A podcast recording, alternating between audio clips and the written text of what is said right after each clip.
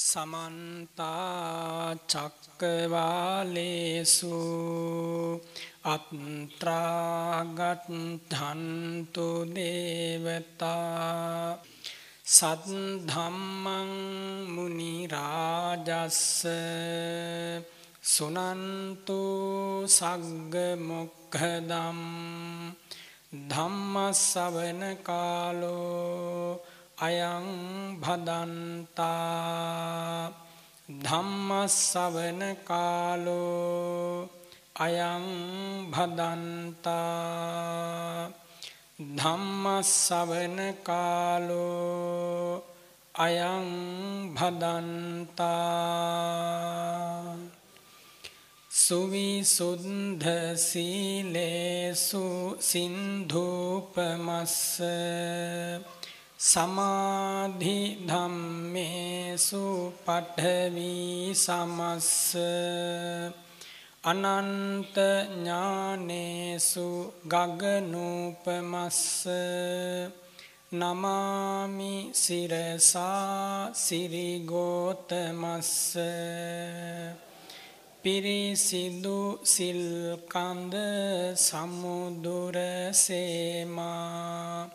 නිසල සමාධිය මිහිකත සේමා. අනන්ත ඥානය අහසක් සේමා. සිරිපා අභියස පිණිපාවේවා මෝහන්ධකාරේසු සුරියූපමස්ස සංසාර සෝතේසු සේතුපමස්ස දෝසප්පවාහේසු මේඝූපමස්ස නමාමි සිරසා ධම්මාම තස්ස මොහන්දුර සිඳලන ලාහිරුසේමා සසරදියඹ මැද පහුරක් සේමා. කෙලෙස් කිලුටු හල වැස්සක් සේමා. සදහම්රුවනට පිණිපාවේවා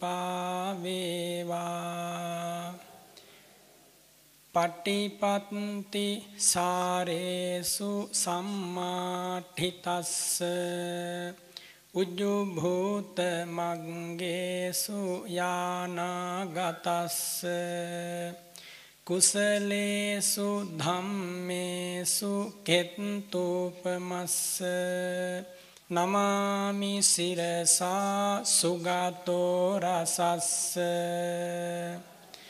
පිල්ලිවෙත් සරුවෙයි සුවදක් සේමා. දම්රස දනවයි මිහිරක් සේමා. පින් ගඟ ගලනා නිම්නය සේමා. මහසංගරුවනට පිණිපාවේවා සාධු සාධු සාධු නමෝතස්ස භගවතෝ අරහතෝ සම්මා සම්බුද්ධස්ස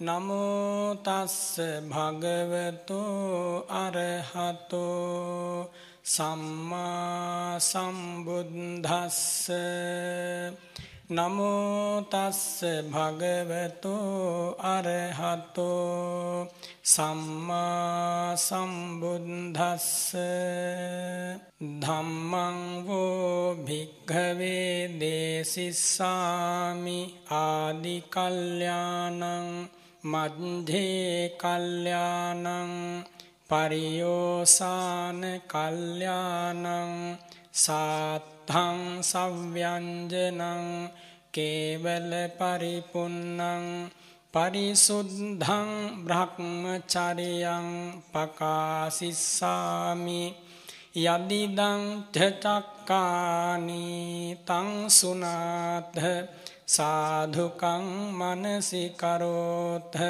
භාසිස්සාමීති.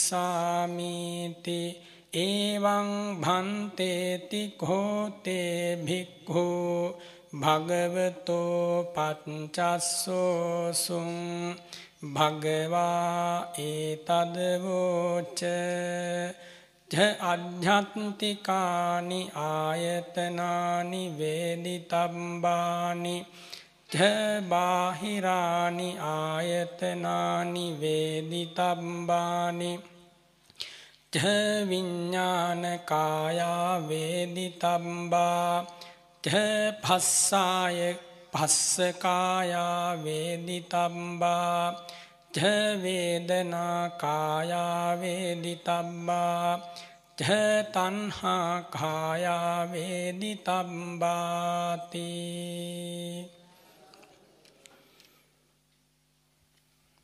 මහවල තැන්න චන්ද්‍රසේකර මුදලින්දාරාම විහාරස්ථානයේ විහාරාධීපති අවසරයි. බිබිලේ පියනන්ද ලොකු ස්වාමින් වහන්සේගේ පාපියුම් වන්දනා කරමි. මට අවසර ලැබේවා. වැඩම කොට වදාළ සදා වන්දනීය පූජනීය බුදුපුත් මහා සංඝරත්නයෙන් අවසරයි. ශ්‍රද්ධාවන්ත පින්වතුනි අද මේ උතුම් ධර්ම දේශනාව සිද්ධ කරනු ලබන්නේ ජ චක්ක නම් වූ සූත්‍ර දේශනාව ඇසුරු කරගෙන අපට ආරාධනා කරද්දී ඒ කාරණය සිහිපත් කළා එම සූත්‍රයෙන් මේ උතුම් ධර්ම පරියාය දේශනා කරන සේක්වා කියලා. සැබවින්ම මේ උතුම් ධර්ම කතාව ඒ භාග්‍යවත් වූ අරහත් වූ බුදුරජාණන් වහන්සේ දෙවි මිනිසුන් වෙත පතල මහා කරුණාවෙන් ජීවිතය ගැන කියා දුන් ඊතා ගැඹුරු පාඩමක් හා සමානයි. මෙතන සිටින කාට කාටත් ප්‍රයෝජන ගැනීම පිණිස ඒ උතුම් ධර්ම කතාව මම වේලාවේ හැටියට ඔබට කියා දෙනවා සිත පහදවාගෙන ශ්‍රවණය කරන්න සසර දුකින් නිදහස් වීම පිණිසම මේ උතුම් ධර්ම දේශනාව ශ්‍රවණය අප සියලු දෙනාටම හේතු වේවා කියන පිවිතුරු පැතුම හිතේ ඇති කරගන්න. පින්වතුනි බුදුබණ පදයක් අසන්න ලැබෙන්නේ කල්ප ගානකට වතාවක්. මෙතන ඉන්න සෑම කෙනෙකුටම ඒ සොඳුරු නිමේෂය අද උදා වුණා. ඒ අතරත් සියලු දුක්ගිනි නිවා දමන පිවිතුරු බුද්ධ වචනයක් අසන්න ලැබෙනවා කියන එකත් දුර්ලභ කාරණයක්. ඒ පිවිතුරු මිහිරි බුදු වදනකින් ලය පහන් කරගෙන මෝහන්ධකාරයෙන් වෙලී ගිය ලෝකයෙන් අත මිදෙන්නට යමෙකුගේ නුවණ දියුණු කරගන්න ප්‍රඥාව දියුණු කරගන්න ලැබෙනවා නම් ඒ අවස්ථාව හා සමාන වූ මංගල මුහුර්තයක් වෙන ඇත්තේ නෑ මේ ලෝකේ. එනිසා මේ සන්ධ්‍යාසන කාලය අද දවස ඔබට ඒ උතුම් ධර්මය ශ්‍රවණය කරන්නට වාසනාව පෑදිච්ච මොහොතක්. පූජනීය මහා සංඝරත්නයෙහි ආශිර්වාදය නොවඩුව මේ පින්වත් පිරිසට ලැබෙනවා. සැදැහැසිත ශ්‍රද්ධාව පහල කරගෙන සිත නිවාගෙන නොතේරුණත් මේ ඇහෙන්නේ බුදු වදනක්නේ කියන ගෞරවනීය හැඟීම හිතේ ඇති කරගන්න බලන්න. බුදුරජාණන් වහන්සේගේ ධර්මය අසන මොහොතක් පාසා බොහෝ පිනක් ජීවිතයට එකතු වෙනවා. සිත පිරිසිදු වෙනවා. යහපත් උදාර සිතුවිලි හිතට පහළ වෙනවා. විරාගය මෛත්‍රිය කරුණා මුදිතා ගුණ හදවත ඇසුරු කරගෙන ජනනය වෙනවා මේ උතුම් ධර්ම කතාව ශ්‍රවණය කරද්දී. නොමග ගියපු ජීවිත දහස් ගණනින් සුමගට ආව බුදුරජාණන් වහන්සේ ලෝකෙට පහළ වෙච්ච නිසා. හසරක් නැතුව අන්දමන්ද වී ගියපු මිනිස්සු දෙවියෝ බ්‍රහ්මයෝ බුදුරජාණන් වහන්සේ වෙත එකතු වනේ හරියට සුපිපි සුවඳ පුෂ්ප වනයකට ඒ ඒ දිශාවෙන් බමරු ඇදෙනවා වගේ. බුදුරජාණන් වහන්සේ ධර්මස්වාමී ධර්මරාජ කියන ගුණ බලය ධරමින් ආපු හැම කෙනෙකුටම නිග්ලේසී හදාරණින් පැනනගින මිහිරි පවනක් සදිසි. මහනෙල් මල් සුවඳ විහිදෙන ශ්‍රීමුඛ පත්මය විවර කරලා ධර්මය දේශනා කළා. මේ දුගියාය මගියාය සිටුවරයාය රජවරයාය දෙවියාය බ්‍රහ්මයාය කියන භේදයක් තථාගතයන් වහන්සේ සැලකුවේ නෑ. කාටත් සම බුදුකරුණාවෙන් වදාළ සෑම බණපදයකින්ම ජීවිතයේ නොපෙනෙන ඇතුලාන්තයක් මතු කල්ලා දුන්නා. ඒ ඇතුලාන්තය වෙත සිහිය තියෙන ඇත්තෝ නුවන තියෙන ඇත්තෝ තම නුවන දියුණු කරගෙන ප්‍රවේශ වෙලා බලද්දී වැටහෙනවා. ඉපිද ඉපිද මැරිමැරී යන භව ගමනකට අනාදිමත් සසරක පටන් මුහුණ දෙන අපට. සදාකල්හි උරුමය වුණේ දුක් හඳුළු. ඉපදීම් දිරීම් ජරාවට පත්වීම් ව්‍යාධීන්ට නතුවීම් මරණයට පත්වීම්. මෙහෙම ඉපිද මැරෙමින් දිරමින් යන සසර ගමනේ කලාතුරකින් කෙනෙකුට තමයි මෙබඳු මිනිස් ජීවිතයක් ලැබෙන්නේ. පළමු කොට ඔබ ඔබේ මිනිස් ජීවිතය ගැන සතුටට පත්වෙන්න මම මේ සසර ගමනේදී බොහෝ පින්ටස් කරලා මේ උදාර උතුම් නිමේෂය නවාතැන සොඳුරු නිකේතනය මොහොත උත්තම ප්‍රාප්තිය ජීවිතයට ලබා ගත්තා කියලා. පින්වතුනි මිනිසත් බවක් නොවන්නට මේ උතුම් දහම් කතාව ඇසෙන්නේ නැහැ. තුන් ලෝකයක් සනසන බුදුරජාණන් වහන්සේ කල්ප කෝටි ගණනක් පුරන ලද පාරමී බල ධර්ම ඇතිව වජ්‍රාසන භූමියේ බුද්ධගයා පින්බිමේ මිහිකත කම්පා කරවමින් අනන්ත ගුණ බල ඥාන ධරමින් ලෞතුරා බුද්ධ රාජ්‍යයට පත් වුණේ නැත්නම් මේ අවස්ථාව අපට ලැබෙන්නේ නැහැ. ඉසිපතන මුවවනයෙන් පැනනැගි සදහම් භේරී නාදය දෙවි මිනිසුන්ට මහා අමාවක් කරමින් පුරා 45 අවුරුද්දක් නොකඩවාම ශ්‍රී සද්ධර්මයේ දේශනා කළේ නැත්නම් මේ අවස්ථාව අපට ලැබෙන්නේ නැහැ. එදා මෙදා තුර මේ මහ පොළොවේ වැඩ හිටපු ස්වාමින් වහන්සේලා සිල්වත් ගුණවත් උතුමෝ ධර්මදර විනයදර උතුමෝ මේ පිවිතුරු ධර්මය යුගයෙන් යුගයට පරපුරෙන් පරපුරට හදවතින් හදවතට යා කළේ බුදු කරුණාවක අසිරිය ලෝ සතුන්ට බෙදා දෙමින් මේ උතුම් ධක්ක නම් වූ ධර්මපරයායත් ඒ භාග්‍යවත් බුදුරජාණන් වහන්සේ සැවැත් නුවර දෙව්රම් වනාරණේ වැඩහිටපු දවසකයි දේශනා කොට වදාලේ. එදා ඒ ධර්මය ශ්‍රවණය කරන්න බොහෝ දෙවිවරු බ්‍රහ්ම රාජවරු අහස්කුස රැස්වුනා එක්රොක් වුණා. එවගේම දෙව්රම් විහාරයේ හාත්පස සැවැත් නුවර ගම් නියම් ගම්වල හිටපු අපමණ පිරිසක් දම් සභා මණ්ඩපේ හාත්පස වාඩි වෙලා බුදු අසිරිය netin දකිමින් බ්‍රහ්මස්වර මිහිර සවනින් අසමින් ශාන්ත බුදුසුව හිතින් විඳිමින් මේ ධර්මයට සවන් දුන්නා. ඒ වගේම මහරහතන් වහන්සේලා රහත් උත්තමාවියෝ මගඵලලාභී ආර්යයෝ ඒ වගේම තෙරුවන් සරණ ගිය බොහෝ පිරිසක් ගිහි පැවිදි මේ උත්තම සූත්‍ර දේශනාවට එදා දවසේ සවන් දුන්නා. සමහර විට මේ උත්තම දේශනාව සිද්ධ වෙන්න ඇත්තේ මේ වගේ හවස් කාලයක වෙන්න පුළුවන්. මිනිස්සු විවේක තියෙන වෙලාවට ගොවිතැන්පත් කටයුතු හමාර කරලා දෙව්රම් වනාරට බොහෝ සෙයින් එකතු වන්නේ හවස 2 3 4 වගේ වෙනකොට.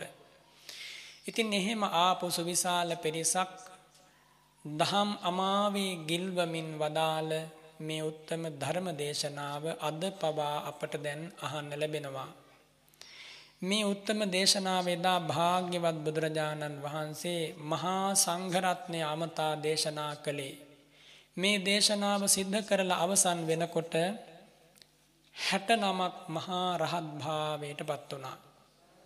දේශනාව අහලා ඉවර වෙනකොට ඒ දේශනාව අහගෙන ඉගෙන ගත්තා සාරිපුත්ත මහා රහතන් වහන්සේ ඒ ස්වාමින් වහන්සේත් එක දවසක් හවස් කාලයේ මේ උතුම් සූත්‍ර දේශනාව සිද්ධ කළා එයත් අහලා හැට නමකට ආසන්න ප්‍රමාණයක් මහා රහත් භාවයට පත් වුණා. ඒ වගේම මුගලන් මහරහතන් වහන්සේත් දවසක මේ සූත්‍රයෙන් ධර්ම දේශනාවක් කළා අහගෙන හිටපු මහා සංඝරත්නය පමණක් 69ක් සිව් පිළිසිඹියාලාභී රහත් භාවයට පත් වුණා. ඔබ හිතන්න මොන තරම් උත්තම ධර්මපරයායක්ද ඔබ මේ ශ්‍රවණය කරන්නේ. ඒ විතරක් නෙමෙයි මේ ධර්ම කතාව බොහෝම ජනප්‍රිය වුණා නැත්තම් බොහෝම ප්‍රසිද්ධ වුණා මහා රහතන් වහන්සේලා අතර. එනිසාම මහා රහතන් වහන්සේලා 80 මහා රහතන් වහන්සේලා සෑම කෙනෙක්ම වගේ මේ සූත්‍රයෙන් ධර්ම දේශනා කරන්න කැමතියි. 80 මහා රහතන් වහන්සේලාම මේ සූත්‍රයෙන් කරපු ධර්ම දේශනා වලින් පිළිවෙලින් 69 බැගින් රහත් වුණා කියලා බණ පොතේ දේශනා කරනවා. ඒ විතරක් නෙමෙයි ඔබ අහලා තියෙනවා මේ ශ්‍රී ලංකා ධරණී තලයේ වැඩ හිටපු මහේ ශාක්‍ය රහතන් වහන්සේ නමක් සිව් පිළිසිඹියා ලාභී අර්ථ ධම්ම නිරුත්ති පටිභාන කියන ඥාන විශේෂයන් හතර සහිතව මහරහත් භාවයට පත් වූ ස්වාමින් වහන්සේ නමක් තමයි මලිය දේව මහරහතන් වහන්සේ කියන්නේ මලියදේව මහරහතන් වහන්සේ නිතර දේශනා කළේ මේ සූත්‍රයමයි. මලියදේව මහරහතන් වහන්සේට මේ සූත්‍රය අර්ථකතාව ටීකාව සහිතව කටපාඩම්.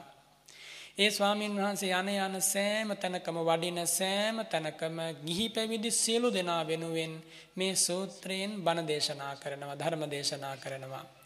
ඒ ස්වාමීන් වහන්සේ ලෝවා මහපායේදී ඊළඟට මහා මණ්ඩප විහාරස්ථානයේදී චේතිය පබ්බත විහාරස්ථානයේදී ඊළඟට සාකිය වංශ කියන අපේ රටේ තිබ්බ විහාරස්ථානය කූටාලී කියන අපේ රටේ තිබ්බ එක්තරා ආරාමයක් ඒ වගේම අන්තර සොබ්බ කියන විහාරස්ථානයේදී ඒ වගේම ඔබ අහලා තියෙනවා මුතියංගන මහා විහාරය ඒ මුතියංගන මහා විහාරයේදී මේ සූත්‍රය දේශනා කළා. ඒ සෑම තැනකම ස්වාමින් වහන්සේලා හැට නම බැගින් මහා රහත් භාවයට පත්වෙනවා. ඒ සංඛ්‍යාවත් හරිම විශේෂයි. මේ දේශනාව ශ්‍රවණය කරන මහා සංඝරත්නයට මේ දේශනාව විදර්ශනා භාවනාවක් වෙනවා. ගිහියත්තන්ටත් එහෙමයි. ඒ විතරක් නෙමෙයි වාතක පබ්බත විහාරය ප්‍රාචීන ଘර කියන විහාරය දීඝවාපී මහා සෑ සමිඳු අභියස මේ සූත්‍රයේ ඒ මහා රහතන් වහන්සේ දේශනා කළා ඊළඟට ලෝකන්දර නෝමණ්ඩලක කියන විහාරවලත් මේ උත්තම දේශනාවෙන් ඒ මහා රහතන් වහන්සේ ධර්ම දේශනා කළා. ඔය විදිහට ඒ රහතන් වහන්සේ ඒ රහතන් වහන්සේගේ සිරිපා තබමින් මේ ලංකා ධරණී තලයේ ඒ ඒ දිසාවට වැඩම කරලා සම්මුඛ සම්මුඛ වූ සෑම තැනකදීම මහරහතන් වහන්සේ නමක් හැටියට මහා සංඝරත්නයට මේ උත්තම ධර්මයෙන් ශ්‍රී සද්ධර්මයේ දේශනා කළා. ඒ සෑම තැනකම සඳහන් වෙනවා ස්ථාන 60කදී දේශනා කරපු මේ ධර්මය අහලා 60 69 බගින් රහත් වෙලා සව් කෙලෙසුන් නසා සසර කතරින් සමුගත්තා කියලා. එහෙනම් මොනතරම් මේ ධර්මය පිවිතුරු ධර්මයක්ද ශ්‍රේෂ්ඨ ධර්මයක්ද ගම්භීර ධර්මයක්ද ඥානෝත්පාදක ප්‍රඥා ආලෝකය මතු කරන ධර්මයක්ද කියලා ඔබ සිහිපත් කරන්න. සඳහන් වෙනවා අම්බිලක කියන විහාරයේ එක දවසක් ත්‍රිපිටක චූලාභය මහා රහතන් වහන්සේ මේ වගේ වෙලාවට මේ උතුම් සූත්‍රයෙන් ධර්ම දේශනාවක් ආරම්භ කළා. රහතන් වහන්සේ කෙනෙකුට අභිඥාලාභී පුළුවන් පිරිස කොච්චර හිටියත් ඒ සෑම කෙනෙකුටම ඇහෙන පරිදි මේ ශබ්ද විකාශන යන්ත්‍ර නොමැතිව ඇහෙන විදිහට ධර්ම දේශනා කරන්න. ඒක රහතන් වහන්සේලාගේ ආශ්චර්යයක්. ඉතින් මේ රහතන් වහන්සේ දා ධර්ම දේශනා කරපු දවසේ එකතු වෙච්ච මිනිස්සු විතරක් ගෞවක මානේ හිටියා කියනවා. ගෞවක් කියන්නේ සතක්ම හතරක ප්‍රමාණයක්. සතැම්ම හතරක ප්‍රමාණයක් මිනිස්සු එදා ඒ ධර්ම කතාව අහන්න ඒ ස්වාමින් වහන්සේගේ දේශනාව අහන්න අම්බිලක විහාරයට එකතු වුණා. ඒ විතරක් නෙමෙයි දෙවියෝ දෙවියන්ගේ ප්‍රමාණය කියනවා හරියට සතැක්ම 16ක ප්‍රමාණයක් අහස් කුසේ දෙවිවරු මේ ධර්ම කතාව අහගෙන හිටියා කියලා. එනිසා ඔබ අහන්නේ අන්න ඒ බඳු පරම ගම්භීර ධර්මයක්. සව් කෙලෙසුන් නසා දමා සියලු දුකින් අත මිදීම පිණිස හේතු වන මේ ධර්මය හැම හදවතකම සටහන් වේවා කියලා මම ආශිර්වාද කරනවා. පින්වතුනි මේ ධර්මපරයාය මුළු මනින්ම විදර්ශනා භාවනාවක්. මේ ධර්මපරයාය නුවණ තියෙන තියෙන පමණින් තේරුම් ගත හැකි තේරුම් ගත යුතු ධර්මපරයායක්. සැබවින්ම මේ ධර්මපරයාය තේරුම් ගනිද්දී අභිධර්මය පිළිබඳව දැනුම ඊටාම වැදගත් වෙනවා. එහෙම දැනුමක් නොතිබුණත් ඔබ සිත පහදවාගෙන නුවණින් අඤ්‍ය විහිිත වෙන්න නොදී අහගෙන හිටියොත් ඔබටත් මේ ධර්මපරයා එක තැනක් හරි තේරුණොත් එක පදයක් හරි තේරුණොත් ඔබ මේ උතුම් බණ මඩුවේදී ජීවිතේ ජය ගන්නට බොහෝ පිනක් එකතු කරගත්ත කෙනෙක් වෙනවා. එනිසා ඔබ හැම දිනාටම තේරෙන විදිහට මම මේ ධර්ම කතාව දේශනා කරනවා කියා දෙනවා. සැබවින්ම අතිපූජනීය ස්වාමින් වහන්සේ ශ්‍රද්ධාවන්ත පින්වතුනි මේ චචක්ක සූත්‍රයෙන් ධර්ම දේශනාවක් කළොත් අවම රාත්‍රියක්වත් කරන්නට ඕන යම් පමණකට හෝ තේරුම් කරලා දෙන්න. ඒ තරමින් ගැඹුරු ධර්ම පරයායක්. ඒ තරමින් විස්තර සහිත ධර්ම පරයායක්. වෙන විදිහකින් මම කියන්නම් ඔබේ ජීවිතයේ පිළිබඳව පාඩම තමයි මේ සූත්‍රයෙන් දේශනා කරන්නේ. ලෝකයක් මුලාවට ආවඩද්දි මේ මිහිරි ධර්මයෙන් ඔබට කියා දෙන්නේ ඔබේ ජීවිතයේ කුමක්ද කියලා. ලෝකයම මම මගේ කියලා මගේ ජීවිතය කියලා මගේ දේවල් කියලා දේවල් අල්ලා ගනිද්දි උපාදාන සකස් කර ගනිද්දි තණ්හාවෙන් වෙලී බැඳී පැටලී නැසී වෙනසී යද්දී බුදුරජාණන් වහන්සේ වදාරනවා මෙන්න මෙහෙම හිතුවොත් මෙන්න මෙහෙම කල්පනා කළොත් මේ සියලු භව බැඳුම් සිඳ බිඳදා හැම දුක් අවසන් කරලා නිරය තිරස්ථාන යෝනිය පෙත්තිවිසය මේ හැම දුකක්ම නැති කරලා ආර්ය ශ්‍රාවකයෙක් වෙන්න පුළුවන්. සෝවාන් උත්තම භූමියටපත් වෙන්න පුළුවන්. මේ විදිහට කෙනෙක් කල්පනා කළොත්. ඉතින් මේ විදිහට බුදුරජාණන් වහන්සේ මේ සූත්‍ර දේශනාව දේශනා කරන්නට ආරම්භ කොට වදාලා. ආරම්භ කරලා මේ ධර්මයේ ඇති මිහිර පද නවයකින් වර්ණනා කළා පළමු කොට. මහණෙනි මම ඔබලාට ආදී කල්යාණ වූ මධ්‍යේ කල්යාණ වූ පරියෝසాన කල්යාණ වූ පිවිතුරු ධර්මපරයායක් දැන් දේශනා කරනවා. කුමක්ද ආදී කල්යාණ කියන්නේ ආරම්භය පටන් ගන්න තැනම යහපත්. බලන්න දැන් මේ බණ කතාව පටන් ගන්නකොට මොනතරම් හිත නිවිලා යනවද? ආදී කල්යාණ. මධ්‍යේ කල්යාණ මේ බණ කතාව මැදට යනකොටත් ඇහෙන්නේම පිවිතුරු බුදු වදන්. කිසිම තැනක පැටලිලා නැහැ, අවුල් වෙලා නැහැ. රාගයෙන්, ద్వේෂයෙන්, මෝහයෙන්, මානෙන්, පාපයෙන්, ක්ලේශයෙන්, අකුසලයෙන් මිශ්‍ර වෙලා නැහැ. ඒ තරම් පිවිතුරු ධර්මපරයායක් මැදත් හොඳයි, අවසානයත් බොහොම හොඳයි. දැන් මේ බණ කතාව අවසන් වෙලා තව නොබෝ වෙලාවකින් ඔය හැම කෙනෙකුටම නැගිටින්න පුළුවන් ඔය ආසනෙන්. හැබැයි නැගිටිනකොට හිස් අතින් නොනැගිටින්න අපමණ පිනක් එකතු කරගන්න සිහිය පිහිටවන්නට ඕන මේ ඇසෙන සෑම වචනයක් හා සමග. පින්වතුනි බුදුරජාණන් වහන්සේ මේ විදිහට අර්ථ සහිත වූ මේ සෑම බණපදයක්ම මනාකොට හේතුඵල දහම ගලපා කියා දෙමින් සව්‍යංජනං අක්ෂර පාරිසුද්ධිය ඇතිව කේවල පරිපුන්නං මුළු මනින්ම පිවිතුරු වන ආකාරයෙන් පරිසුද්ධං බ්‍රහ්මචරියන් ධම්මං පිවිතුරු බ්‍රහ්මචාරී ධර්මයයි මේ විදිහට දේශනා කරන්නේ. කුමක්ද ඒ ධර්මය? මේ චක්ක ධර්ම පරියාය. මේ වචනේ ඔබට කියලා දෙන්නම් බුදුරජාණන් වහන්සේ වදාළ මේ උත්තම සූත්‍රයේ අර්ථය තේරුම් ගැනීම පිණිස පාලි භාෂාවෙන් ජ කියලා කියන්නේ 6 නැත්නම් අංක 6ට තමයි ජ කියලා කියන්නේ. චක්ක කියලා කියන්නේ 6 කොටසකට නමක්. චක්කයක් කියන්නේ 6 කොටසක්. 6 කොටසක නැත්නම් 6 එකතුවක්. කොටස් 6ක් නැත්නම් 6 කොටසක්. වෙන විදියකින් කිව්වොත් 6 ගොඩකට චක්ක කියලා කියනවා. එතකොට ජ චක්ක කියලා කිව්වට පස්සේ 6 ගොඩවල් 6ක්. ඒ කියන්නේ කරුණු 36ක් තියෙනවා. හයේ ගොඩවල් 6ක් කරුණු 36ක්. ඒ කරුණු 36ම මුළු මනින්ම චිත්ත චෛතසික රූප කියන මේ තුන් පරමාර්ථයන් පිළිබඳවයි දේශනා කරන්නේ. වෙන විදිහකින් කිව්වොත් රූපය පිළිබඳව වේදනාව පිළිබඳව සංඥාව පිළිබඳව සංස්කාරය පිළිබඳව විඥානය පිළිබඳව මේ ස්කන්ධ පංචකය පිළිබඳවයි මේ චචක්ක ධර්ම පරියායෙන් දේශනා කරන්නේ. තවත් විදිහකට කිව්වොතින් ඔබේ ජීවිතය කියන්නේ හයේ ඒවා හයක එකතුවක්.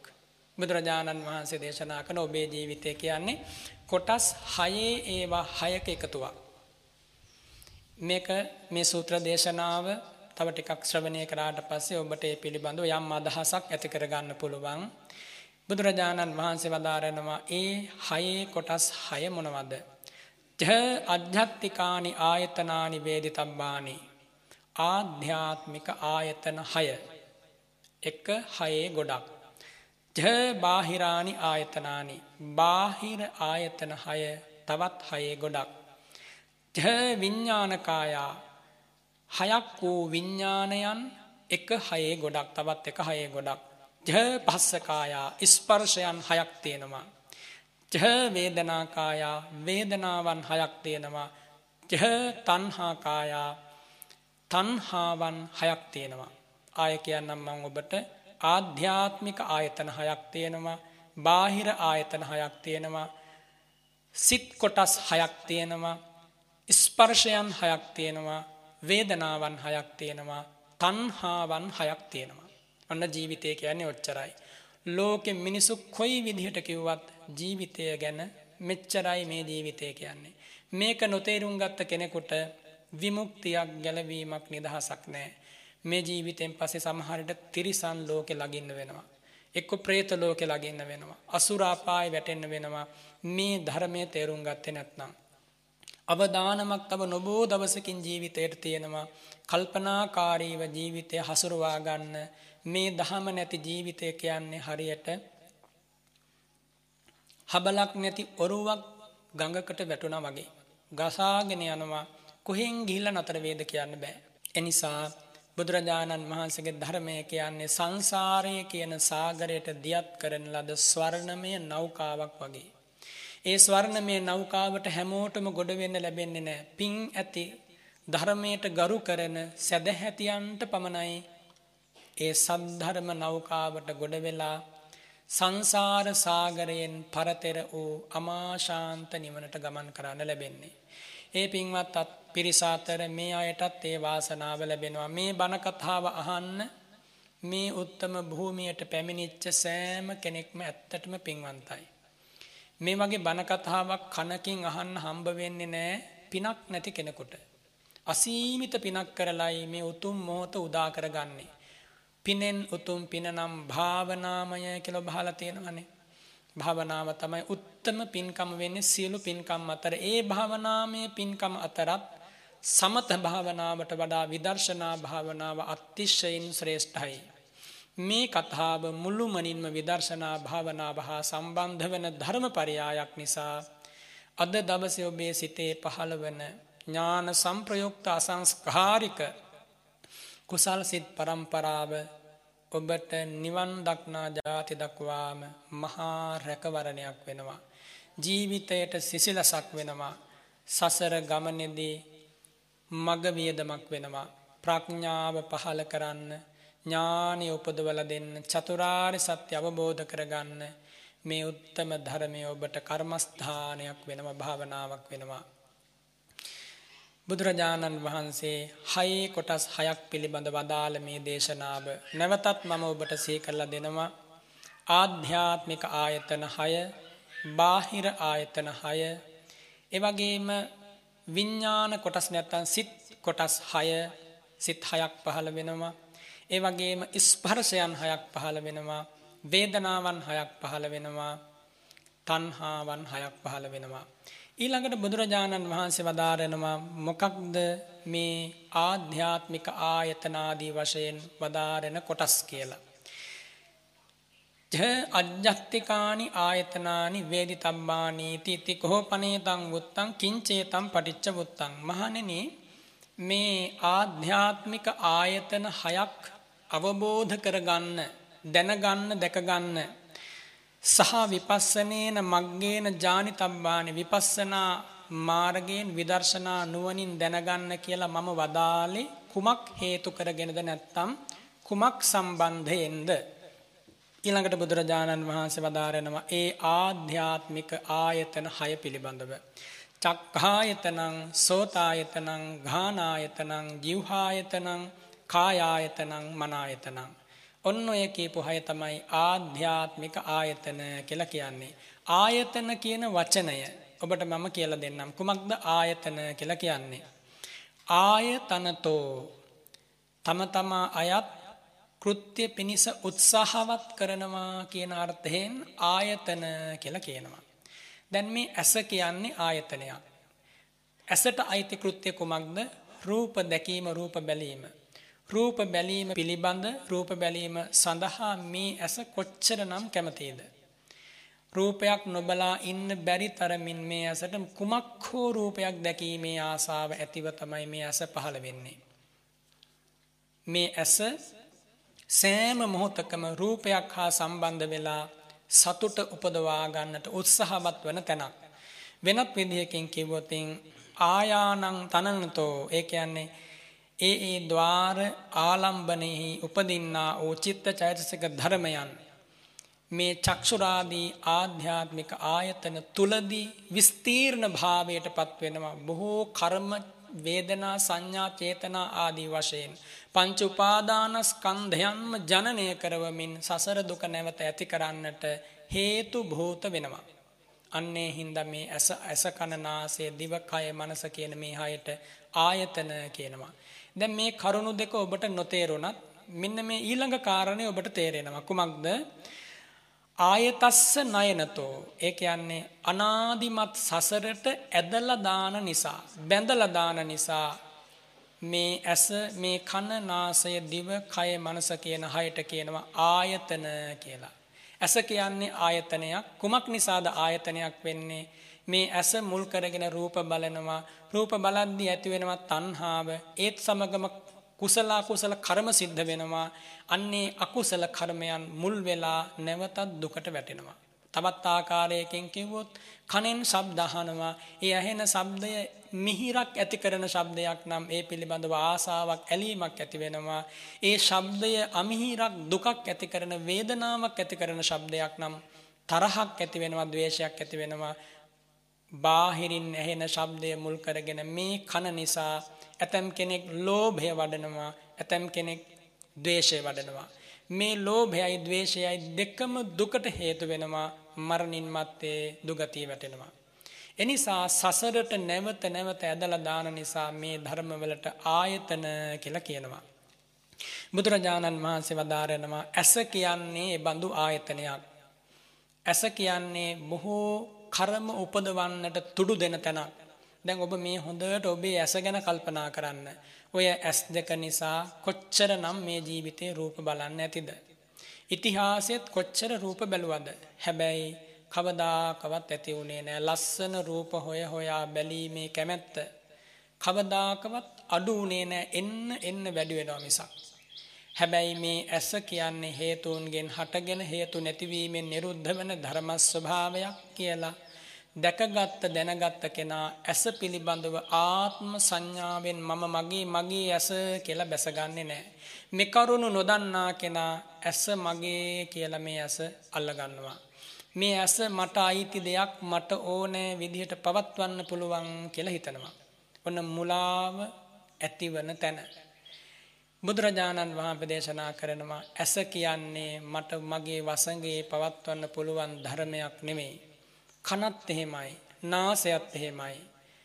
මේ ආධ්‍යාත්මික ආයතන හයම එහෙමයි. ඇයි මේවට අජ්ජත් ආයතන කියන්නේ? තමාට අයිති ඇතුලාන්තයට බැසගත් යන අර්ථයෙන් තමයි අජ්ජත්තික ආයතන කියලා කියන්නේ. තමා තුල පවතින තමාට අයිති කියලා හිතන හැබැයි එහෙම හිතුවට ඒක සිතීවිල්ලි මාත්‍රයක් පමණයි. එහි ඇති සත්‍යයක් නැහැ. දේශනා විශේෂයක් හැටියට මේ කරුණු දේශනා කරද්දී මේ හය ආධ්‍යාත්මික ආයතන හැටියට දේශනා කරනවා. එනිසා ඔබ දැන් මේ වෙලාවේ මෙන්න මේ කාරණේ මතකයට ගන්න. මගේ මේ ජීවිතේ තියෙන ඇස කන නාසය දිව කය මනස කියන මෙන්න මේ කරුණු හය ආධ්‍යාත්මික ආයතන හය නමින් බුදුරජාණන් වහන්සේ දේශනා කළා. මෙන්න මේ කාරණේ හිතට ගත්තනම් මෙතෙක් කියපු දේවල් පිළිබඳව යම් සාරංශයක් තේරුම් ගත වෙනවා. ඇස, කන, නාසය, දිව, කය, නැත්නම් මනස. මේ කියපු හය ආධ්‍යාත්මික ආයතන ඇයි ආයතන කිව්වේ මේ හය මුල් කරගෙන නැවත නැවත සසර දුකට වැටෙනවා කොහොමද සසර දුකට වැටෙන්නේ ඇසෙන් රූප බලනවා කනෙන් ශබ්ද අහනවා නාසයෙන් ගඳ සුවඳ ආග්‍රහණය කරනවා දිවෙන් රස හොය හොයා රස විඳිනවා ඒ වගේම මේ ශරීරයෙන් ස්පර්ශයන් ලබනවා සිත නැත්තම් මනසින් විවිධ අරමුණු සම්බන්ධ කරගෙන විවිධ චේතනාවන් පහළ කරනවා. මේ ద్వාර හය මුල් කරගෙන චේතනාව පහළ වෙනවා. නැත්තම් සිත් පහළ වෙනවා. කුසල චේතනා පහළ වෙනවා. කුසල චේතනා පහළ වෙනවා. කුසල චේතනා පහළ වුණත් සංසාරය දික් වෙනවා. අකුසල චේතනා පහළ වුණත් සංසාරය දික් වෙනවා. හැබැයි කුසල චේතනා වලටම අයිති කර්මක්ෂය කර ඥානයට හේතු වන ආර්ය අෂ්ඨාංගික මාර්ගය තුල රැස්වන චේතනාව හේතු වෙනවා සියලු දුක් අවසන් කරන්න චතුරාර්ය සත්‍ය අවබෝධ කරන්න. එනිසා ආධ්‍යාත්මික ආයතන හය ඔබ ඔබේ ඇස කියලා හිතුවට ඔය ඇස සකස් වුණේ කොහොමද කියලා ඔබ දන්නේ නැත්නම් ඔබ ඔබේ කන කියලා හිතුවට ඔය කන සකස් වුණේ කොහොමද කියලා දන්නේ නැත්නම් ඔබ මුලාවට පත් වෙනවා. බුදුරජාණන් වහන්සේ දේශනා කරනවා පෙර සංසාරයේදී රූප දැකීමේ කැමැත්ත රූප දැකීමේ ආශාව රූප දැකීමේ ඕනෑකම සහිතව මේ ඇත්තෝ කුසලා කුසල කර්මයන් සිද්ධ කළා. ඒ සිද්ධ කරපු නිසා මේ ජීවිතයේදී ඔය වගේ දෑසක් ලැබුණා. මෙතන ඉන්න සෑම කෙනෙක්ම පෙර ජීවිතවලදී යහපත් දෑසක් ලැබෙන විදිහට පින් රැස් කළා. වෙනත් විදියකින් කිව්වොතින් පෙර ජීවිතවල සිල්වතුන් ගුණවතුන් දෑස විවර කරලා කඩතොරා විවර කරලා සිල්වතුන් ගුණවතුන් දෙස බැලුවා. අන්නේ බලපු පින නිසා මේ මිනිස් ලෝකෙට ඇවිල්ලා මිනිස්සෙකුගේ නැත්තම් මිනිස් ඇසක් ඔබට ලැබුණා. අපිත් එක්කම හිටපු අය පෙර ජීවිතවල සිල්වතුන් ගුණවතුන් දැක්කට පස්සේ රවා බැලුවා. රවා බලපු අය තිරිසන් ලෝකෙ ඉපදුනා. പ്രേත ලෝකෙ ඉපදුනා. නිරයේ ඉපදුනා. නිරයේ ඉපදුනාට පස්සේ දෑසට පේන්නේ බල්ලන බලන අතින් මහා ගෙනි ජාලාවන්. නිරය උපන්න කෙනෙකුට බලන බලන පැත්තෙන් ලෝදිය. අසිපත්‍ර වනය වේතරණී නදිය ලෝකුඹු නිරය. අපම් වන දුක් බිහිසුණු විපාක උපදවන දැකුම් තමයි බලන්න වෙන්නේ නිරේ වැටුනට පස්සේ. එනිසා ඔබ සතුටු වෙන්න මා ලැබූ ආධ්‍යාත්මික ආයතනයක් වන මේ ඇස පෙර යහපත් කුසලයකින් නැත යහපත් කරමයකින් ලබපෝ ධර්ම ස්වභාවයක් කියලා. එනිසා බුදුරජාණන් වහන්සේ වදාරනවා මේ ආයතන හය මනුස්ස ලෝකෙට ඇවිල්ලා කෙනෙකුට ලැබුණොත් එයාට ඒක යහපත පිණිස හේතු කරගන්න පුළුවන්. තිරිසන් ලෝකෙ ලැබුණා කියලා කුමක්ද ඵලය ඔබම හිතන්න. പ്രേත ලෝකේ අසුර ලෝකෙදි ලැබුණා කියලා කුමක්ද ඵලය ඔබම කල්පනා කරන්න. එනිසා ඔබට මම කෙටියෙන් මේ විස්තර කරන්නේ මේ ආයතන හය අපි ලැබුවේ මනුස්ස ලෝකෙට ඇවිල්ලා. ඇස කන නාසය දිව කය මනස කියන මේ හයම ලැබුවේ මිනිසෙක් හැටියට. මිනිස් ජීවිතය කියන්නේ ඔච්චරයි. මේ ජීවිතය තුල අපට මේ ආයතන හය මුල් කරගෙන ධර්මයේ හැසිරෙන්න, සීලය පුරුදු කරන්න, ಗುಣදහම් වඩන්න අවස්ථාව හිමි වුණා. එනිසා මේ ආයතන හය මේ ජීවිතයේ යහපත පිණිස හේතු වුණා කියලා යම් පමණකින් හෝ ඔබට සතුටක් ඇති කරගන්න පුළුවන්. හැබැයි මේ ආයතන හයම ලැබපු අය බොහෝ ඇතම් කෙනෙක් ආනන්තරය පාප කර්ම පවා සිද්ධ කරගෙන බිහිසුණු දුකට වැටෙනවා දුකටපත් වෙනවා. මෙතනදී කියා දී යුතු පාඩම තමයි පින්වතුනි මේ ආධ්‍යාත්මික ආයතන 6 සත්වයෙක් නෙමෙයි පුද්ගලයෙක් නෙමෙයි සත්ව පුද්ගල පැනවීම තුල පවතින පරමාර්ථ ධර්ම හයක් තමයි මේ ආයතන හය කියලා කියන්නේ. මේ ආයතන හයට තමයි මම කියන හැඟීම ඇති කරගත්තේ. මේ ආයතන හයට තමයි මගේ ජීවිතය කියලා හැඟීම ඇති කරගත්තේ. මේ ආයතන හයට තමයි මගේ දේවල් කියලා අල්ලා ගත්තේ. එනිසයි බුදුරජාණන් වහන්සේ මේ ආයතන හයක් හැටියට ජීවිතය දකින්න කිව්වේ. ඇස කියන ආයතනය රූප දැකීම් කෘත්‍ය මුල් කරගෙන පෙර කර්මයෙන් පහළ වෙච්ච තැනක්ය කියලා දකින කෙනාට ඇස මම මගේ මගේ ආත්මය කියලා ඇසට මුලා වෙන්න හේතු සකස් වන්නේ නැහැ. එසේ නොවන කෙනෙකුට ඇසට මුලා වෙන්න හේතු සකස් වෙනවාමයි. ඇස හටගත්තේ කොහොමද කියලා නොදන්න කෙනා ඇසට මුලා වෙනවා කියන කහන්න දෙයක් නෙමෙයි. කනනාසය දිව කය මනස කොහොමද හටගත්තේ මොනවද මේවා හටගන්න හේතු? ඒ හේතු නැතිවීමෙන් මේවා නැති වෙනවා කියලා දැන නොගත්ත කෙනෙකුට මේ ඇසෙන් කනෙන් නාසයෙන් දිවෙන් කයෙන් මනසින් සමුගන්න ලැබෙන්නේ නැහැ. සමුගත්තේ නැත්නම් එයා සංසාරෙමයි සසර දුකින් නිදහස් වෙලා නැහැ. චතුරාර්ය සත්‍ය අවබෝධ කරනවා කියලා सिद्ध කරන්නේ මේ ඇස කන නාසය දිව කය මනස ආයතන හයක් හැටියට අවබෝධ කර ගැනීම. ආයතන හයක් හැටියට තේරුම් ගැනීම. ආයතන හයක් හැටියට ප්‍රඥාවෙන් දැකීමයි චතුරාර්ය සත්‍ය අවබෝධය නමින් බුදුරජාණන් වහන්සේ වදාරන්නේ. ඔබ මේ මගේ ඇස ලස්සනයි මිහිරි ප්‍රියයි මනාපයි ආදී වශයෙන් තමන්ගේ ඇස ගැන හෝ තව කෙනෙකුගේ ඇස ගැන හෝ වර්ණනා කළොත් ඒ ගැන ಗುಣ කිව්වොත් ඒ ගැන අගය කළොත් ඒ ඇස බලාපොරොත්තු වුණොත් ඒ කන ඒ නාසය ඒ දිව ඒ ශරීරය ඒ සිත පිළිබඳව එහෙම අභිනන්දනයක් කළොත් අල්ලා ගැනීමක් කළොත් බැසගත්තොත් ගිජු වුණොත් ඒ පිළිබඳව කරුණු නොදැන මුලාවටපත් වුණොත් මුසපත් වුණොත් පාපයෙන් සිත නැහැවිලා යනවා. ඒ මොහොතේ පටන් ඔහුට වැඩෙන්නේ ලෝභ මූල අකුසල කර්ම, ද්වේෂ මූල අකුසල කර්ම, මෝහ මූල අකුසල කර්ම. එනිසා මේ බුදුරජාණන් වහන්සේගේ ධර්මය කියන්නේ පායා උදා නැගී මුදුන් වූ හිරමඩලක් වගේ. ඒ ආලෝකය දෙවි මිනිසුන්ගේ හදසන්තානවලට වැටෙනකොට ප්‍රඥාව පහළ වෙනවා. ඒ හරිම අසිරිමත්. එනිසා බුදුරජාණන් වහන්සේ වදාරනවා මේ ආධ්‍යාත්මික ආයතන හය ඔබ අවබෝධ කරගන්න බලන්න. මේ භාවනාවේදී මේ කර්මස්ථානයේදී ඔබ සිහි කරන්නට ඕන මේ ජීවිතය කියන්නේ ආයතන හයක්. ඇස කියන්නේ ආයතනයක්. ඇස දන්නේ නෑ මම රූප බලනවා කියලා. රූප දන්නේ නෑ මේ ඇසට වදිනවා නැත්තම් ඇසේ වැද ගන්නවා චක්සු ප්‍රසාදේ වැද ගන්නවා කියලා රූප දන්නෙත් නෑ.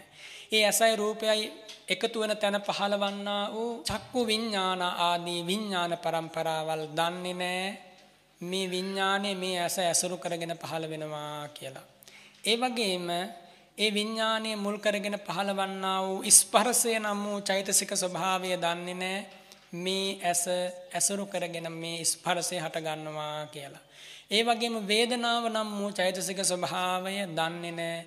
ඇස රූපය අරමුණු කරගෙන එකතු වෙච්ච තැනයි මේ වේදනාව පහළවන්නේ කියලා. ඒ විදිහට එහෙම විසුම් වෙන් වෙන් වශයෙන් අධිකාරයක් දැනීමක් හැඳිනීමක් ඥානයක් නැතිව තමයි මේ කියන ලද ධර්ම ස්වභාවයන් අරසවස්තිනෝ පහළවන්නේ. එනිසා එකකට එකක් සම්බන්ධ වූ හේතුන් තියෙනවා. හැබැයි පුද්ගල වශයෙන් සත්ව වශයෙන් ගත හැකි ගතමනා කිසිම දෙයක් මේ තුල නැහැ. සම්මුති ලෝකයේ සත්වයක් පුද්ගලයෙක් වශයෙන් ආමන්ත්‍රණයක් ব্যවහාරක් තියෙනවා. ඒක නෑ කියන්නේ නෑ. ඒකට කියනවා සම්මුති සත්‍යය කියලා. මේ කතා කරන්නේ පරමාර්ථ සත්‍ය පිළිබඳව. එනිසා ඔබ ජීවිතය කියලා අල්ලගත්ත නම් අල්ලගත්තේ මේ ආයතන හය විතරයි. ඇස දන්නේ නෑ කනක් තියෙනවා කියලා කන දන්නේ නෑ ඇහැක් තියෙනවා කියලා නාසය දන්නේ නෑ ඇහැක් කනක් තියෙනවා කියලා දිව දන්නේ නෑ නාසයක් කනක් ඇහැක් තියෙනවා කියලා කෙනෙකුට හිතෙන්න පුළුවන් මම මේ හැමදේම දන්නවනේ කියලා. මට මේ ආයතන තියෙනවා කියලා මම දන්නවනේ කොහොමද දන්නේ නැහැ කියන්නේ කියලා.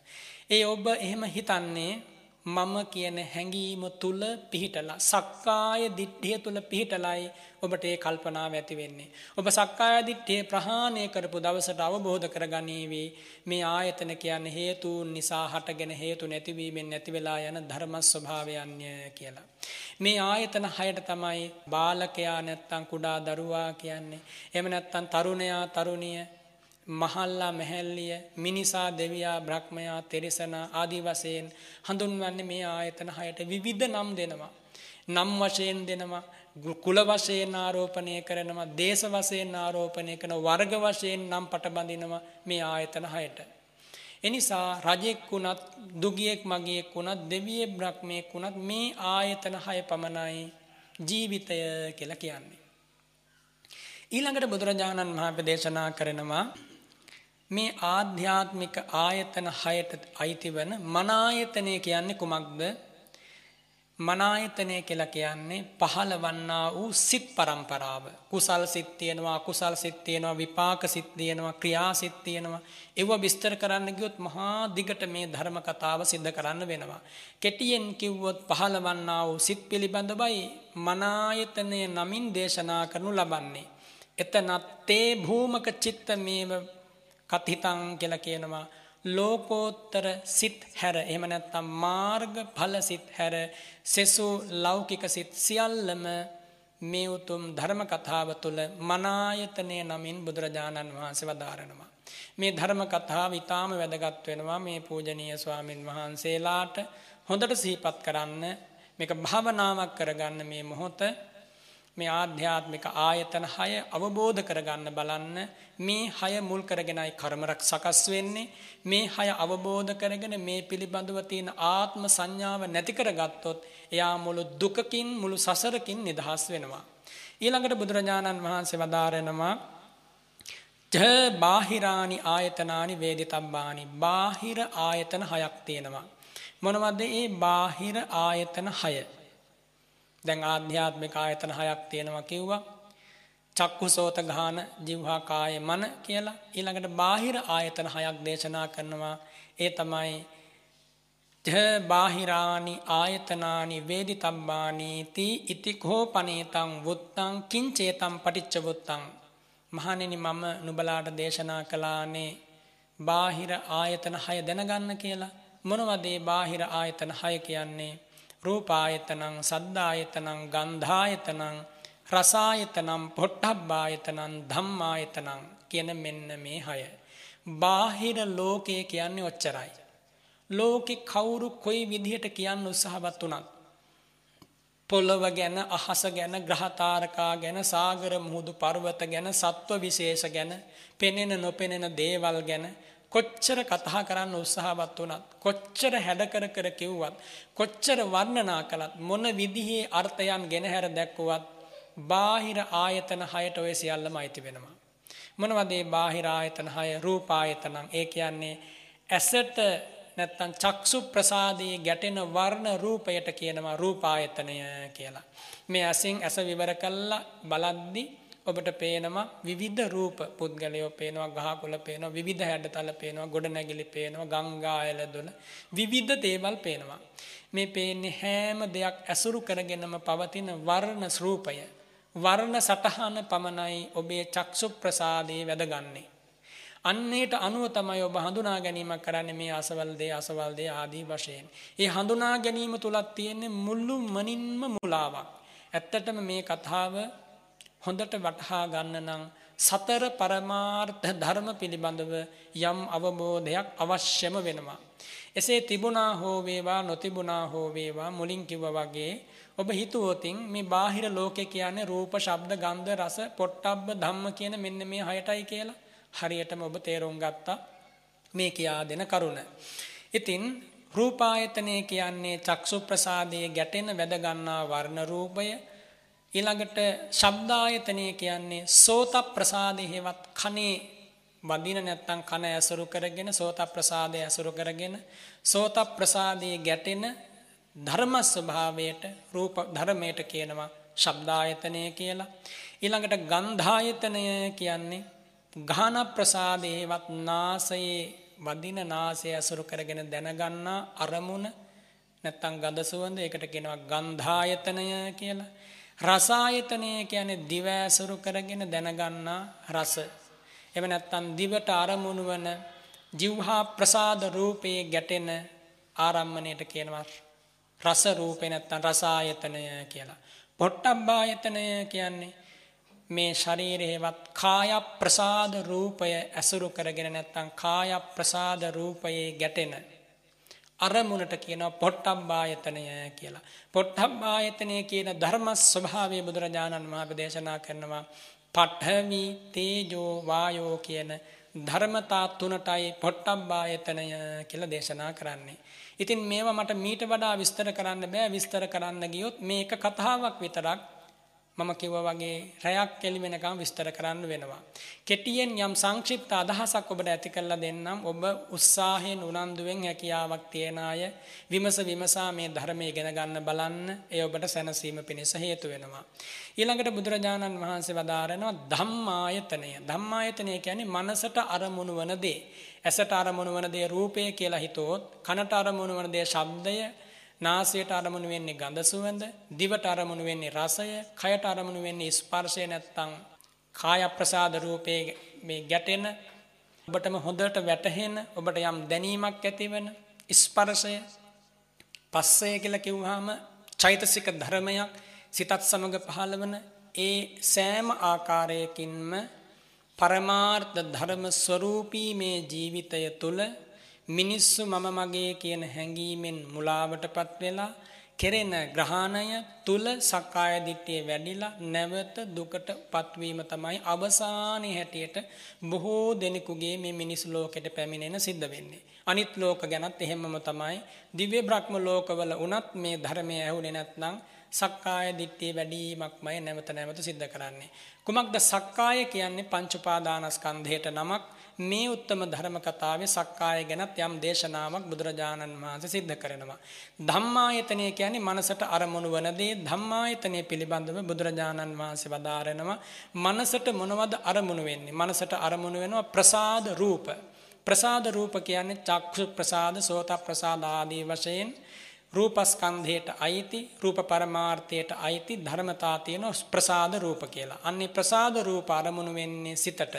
ඒ වගේම සූක්ෂම රූප ආපෝ ධාතුව ස්ත්‍රී භාව රූපය පුරුෂ භාව රූපය හෘදය වස්තු රූපය ජීවිතේන්ද්‍රිය රූපය ඒ වගේම ඕජා හෙවත් ආහාර රූපය ආකාශ රූපය කාය වචී විඤ්ඤාති රූප ඒ වගේම ලහුතා මුදුතා කම්මඤ්ඤතා කියන රූප උපචේ සන්තති ජරතා අනිච්චතා කියන මෙන්න මේ 16ට කියනවා සූක්ෂම රූප කියලා. මෙන්න මේ දේවලුත් අරමුණු වෙන්නේ මනසට. ඇසට නෙමෙයි කනට නෙමෙයි නාසයට නෙමෙයි දිවට කයට නෙමෙයි මනසට අරමුණු වෙන්නේ.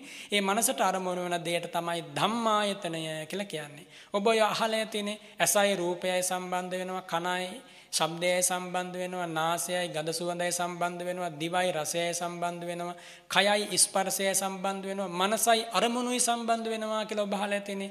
අන්නේ මනසයි අරමුණුයි කියන තැන අරමුණු කියන්නේ මෙන්න මේ දේවල්. මොනවද? ප්‍රසාද රූප, සූක්ෂම රූප, ඒ වගේම චිත්ත චෛතසික නිර්වාණ ප්‍රඥප්ති කියන මෙන්න මේ හතරත් මනසට තමයි අරමුණු වෙන්නේ. හැබැයි මේ උතුම් ධර්ම කතාව තුලදී බුදුරජාණන් වහන්සේ ධම්මායතනය කියලා කියන්නේ බහිද්දා තේ භූමකා ධම්මා බාහිර වූ තුන් භූමියට අයත් ධර්ම සියල්ලම ධම්මායතනය නමින් දේශනා කරනවා. තුන් භූමිය කිව්වහම කාම භූමිය, රූප භූමිය, අරූප භූමිය. මේ භූමිය තුනට අයිති ධර්ම කිව්වහම රූප වේදනා සංඥා සංඛාර විඥාන කියන මෙන්න මේ පහ තමයි මේ තුන් භූමියට අයිති ධර්ම. මේ ධර්මතා මනසට අරමුණු වෙනවා ධම්මාරම්මණයක් හැටියට. ධම්මාරම්මණයක් හැටියට මනසට අරමුණු වන මේ ධර්ම නිසා දෙවි මිනිස් ප්‍රජාවම මුලාවටපත් වෙනවා. නොදැන මුලාවටපත් වෙලා කෙලෙස් වඩලා මෝහාන්ධකාරයේ ගිලිලා ආය ආය දුකට වැටෙනවා. එනිසා මේ බාහිර ආයතන හය අවබෝධ කරගන්නට ඕන. කොහොමද අවබෝධ කරන්නට ඕන? විදර්ශනා මාර්ගයෙන් නැත්නම් විදර්ශනා භාවනාවෙන්. දැන් මේ කියන විදිහට තමයි විදර්ශනා කරන්න තියෙන්නේ. ඔබ ඔබේ ජීවිතය ඔබේ නමින් හඳුනාගත්තොත් මේ මම කියලා හඳුනාගත්තොත් විදර්ශනාවක් වැඩෙන්නේ නැහැ. ඔබ ඔබේ ජීවිතයේ ආධ්‍යාත්මික ආයතන හයක් හැටියට හඳුනා ගන්න උත්සාහවත් වුණොත් සිහිය පිහිටවුවොත් යෝනිසෝ මනසිකාරී හැසිරෙව්වොත් අන්න ඔබට අවස්ථාවක් ලැබෙනවා විදර්ශනා නුවණ දියුණු කරන්න. ඒ ආධ්‍යාත්මික ආයතන හා සම්බන්ධ වන බාහිර ආයතන හය තමයි දැන් මේ කියපු රූප ශබ්ද ගන්ධ රස පොට්ටබ්බ ධම්ම කියන හය. මේ හයත් ආධ්‍යාත්මික ආයතන හයත් බාහිර ආයතන හයත් එකතු වෙච්ච තැන තමයි මේ හැම සංකල්පනාවක්ම හැඟීමක්ම ධර්මතාවක්ම පහළවන්නේ. ඉතින් එනිසා මෙවත් තේරුම් ගැනීම යම් පමණකින් අපහසු වුණත් අහලා තිබුණොත් කවදා හරි දවසක ඔබට මේ ජීවිතයෙන් පස්සේ සුගතියක ඉපදිච්ච අවස්ථාවක මොහොතක අතීතය ගැන සිහිපත් කරද්දී වැටහෙයි මම මනුස්ස ලෝකේ ඉන්න කාලේ මෙහෙම ධර්මපරයායක් ඉගෙනගෙන තියෙනවා කියලා. සුධර්මා දිව්‍ය සභාවේ දිව්‍ය ලෝකවල බ්‍රහ්ම රාජවරු ඇවිල්ලා මේ පිවිතුරු ධර්මයේ ගැන දේශනා කරනවා. දේශනා කරද්දී පෙර මනුස්ස ලෝකේ හිටපු කෙනෙක් ඒ ධර්මයේ ඉගෙනගෙන තිබුණොත් අහන මාත්‍රයෙන් වැටහෙනවා. දැන් මේවා කියද්දි කෙනෙකුට වැටහෙන්නේ නැත්නම් ඔබ සංසාරේ මේ ධර්මයේ පුරුදු කළා නැහැ. ඉතින් පුරුදු කළා නැති නිසා වැටහෙන්නේ නැහැ. වැටහෙන්නේ නැත්නම් අතහැරලා දාන එකද වටින්නේ. මට මේවා තේරෙන්නේ නැහැ මේ කියන දේවල් මොනවද කියලා තේරෙන්නේ නැහැ කියලා හිතන්න එපා. මම මේ කෙසේ හෝ මේ දේ අවබෝධ කරගන්නවා. එකම කාරණයක් හෝ නිවැරදි කරගන්නවා. එකම තැනක් හෝ මම මගේ සිතින් හඳුනා ගන්නවා කියලා හිතුවොත් ඔබට පුළුවන් මේ ධර්මය අවබෝධ කරගන්න කටයුතු සිද්ධ කරන්න. ඊළඟට බුදුරජාණන් වහන්සේ වදාරනවා දැන් හයේ කොටස් දෙකක් දේශනා කළා එකක් තමයි ආධ්‍යාත්මික ආයතන 6 දෙවෙනි හයේ කොටස තමයි බාහිර ආයතන 6. ඊළඟට මේ ආධ්‍යාත්මික ආයතන 6ත් බාහිර ආයතන 6ත් උපමා වශයෙන් දේශනා කරනවා හරියට ඇස කියන්නේ සර්පයෙක් වගේ කියනවා. රූපය කියන්නේ තුඹසක් වගේ. සර්පයෙක් හැම වෙලාවකම කැමති වෙන්නේ තුඹසකට රිංග ගන්න. ඊළඟට මේ කන කියන්නේ හරියට කිඹුලෙක් වගේ කියනවා.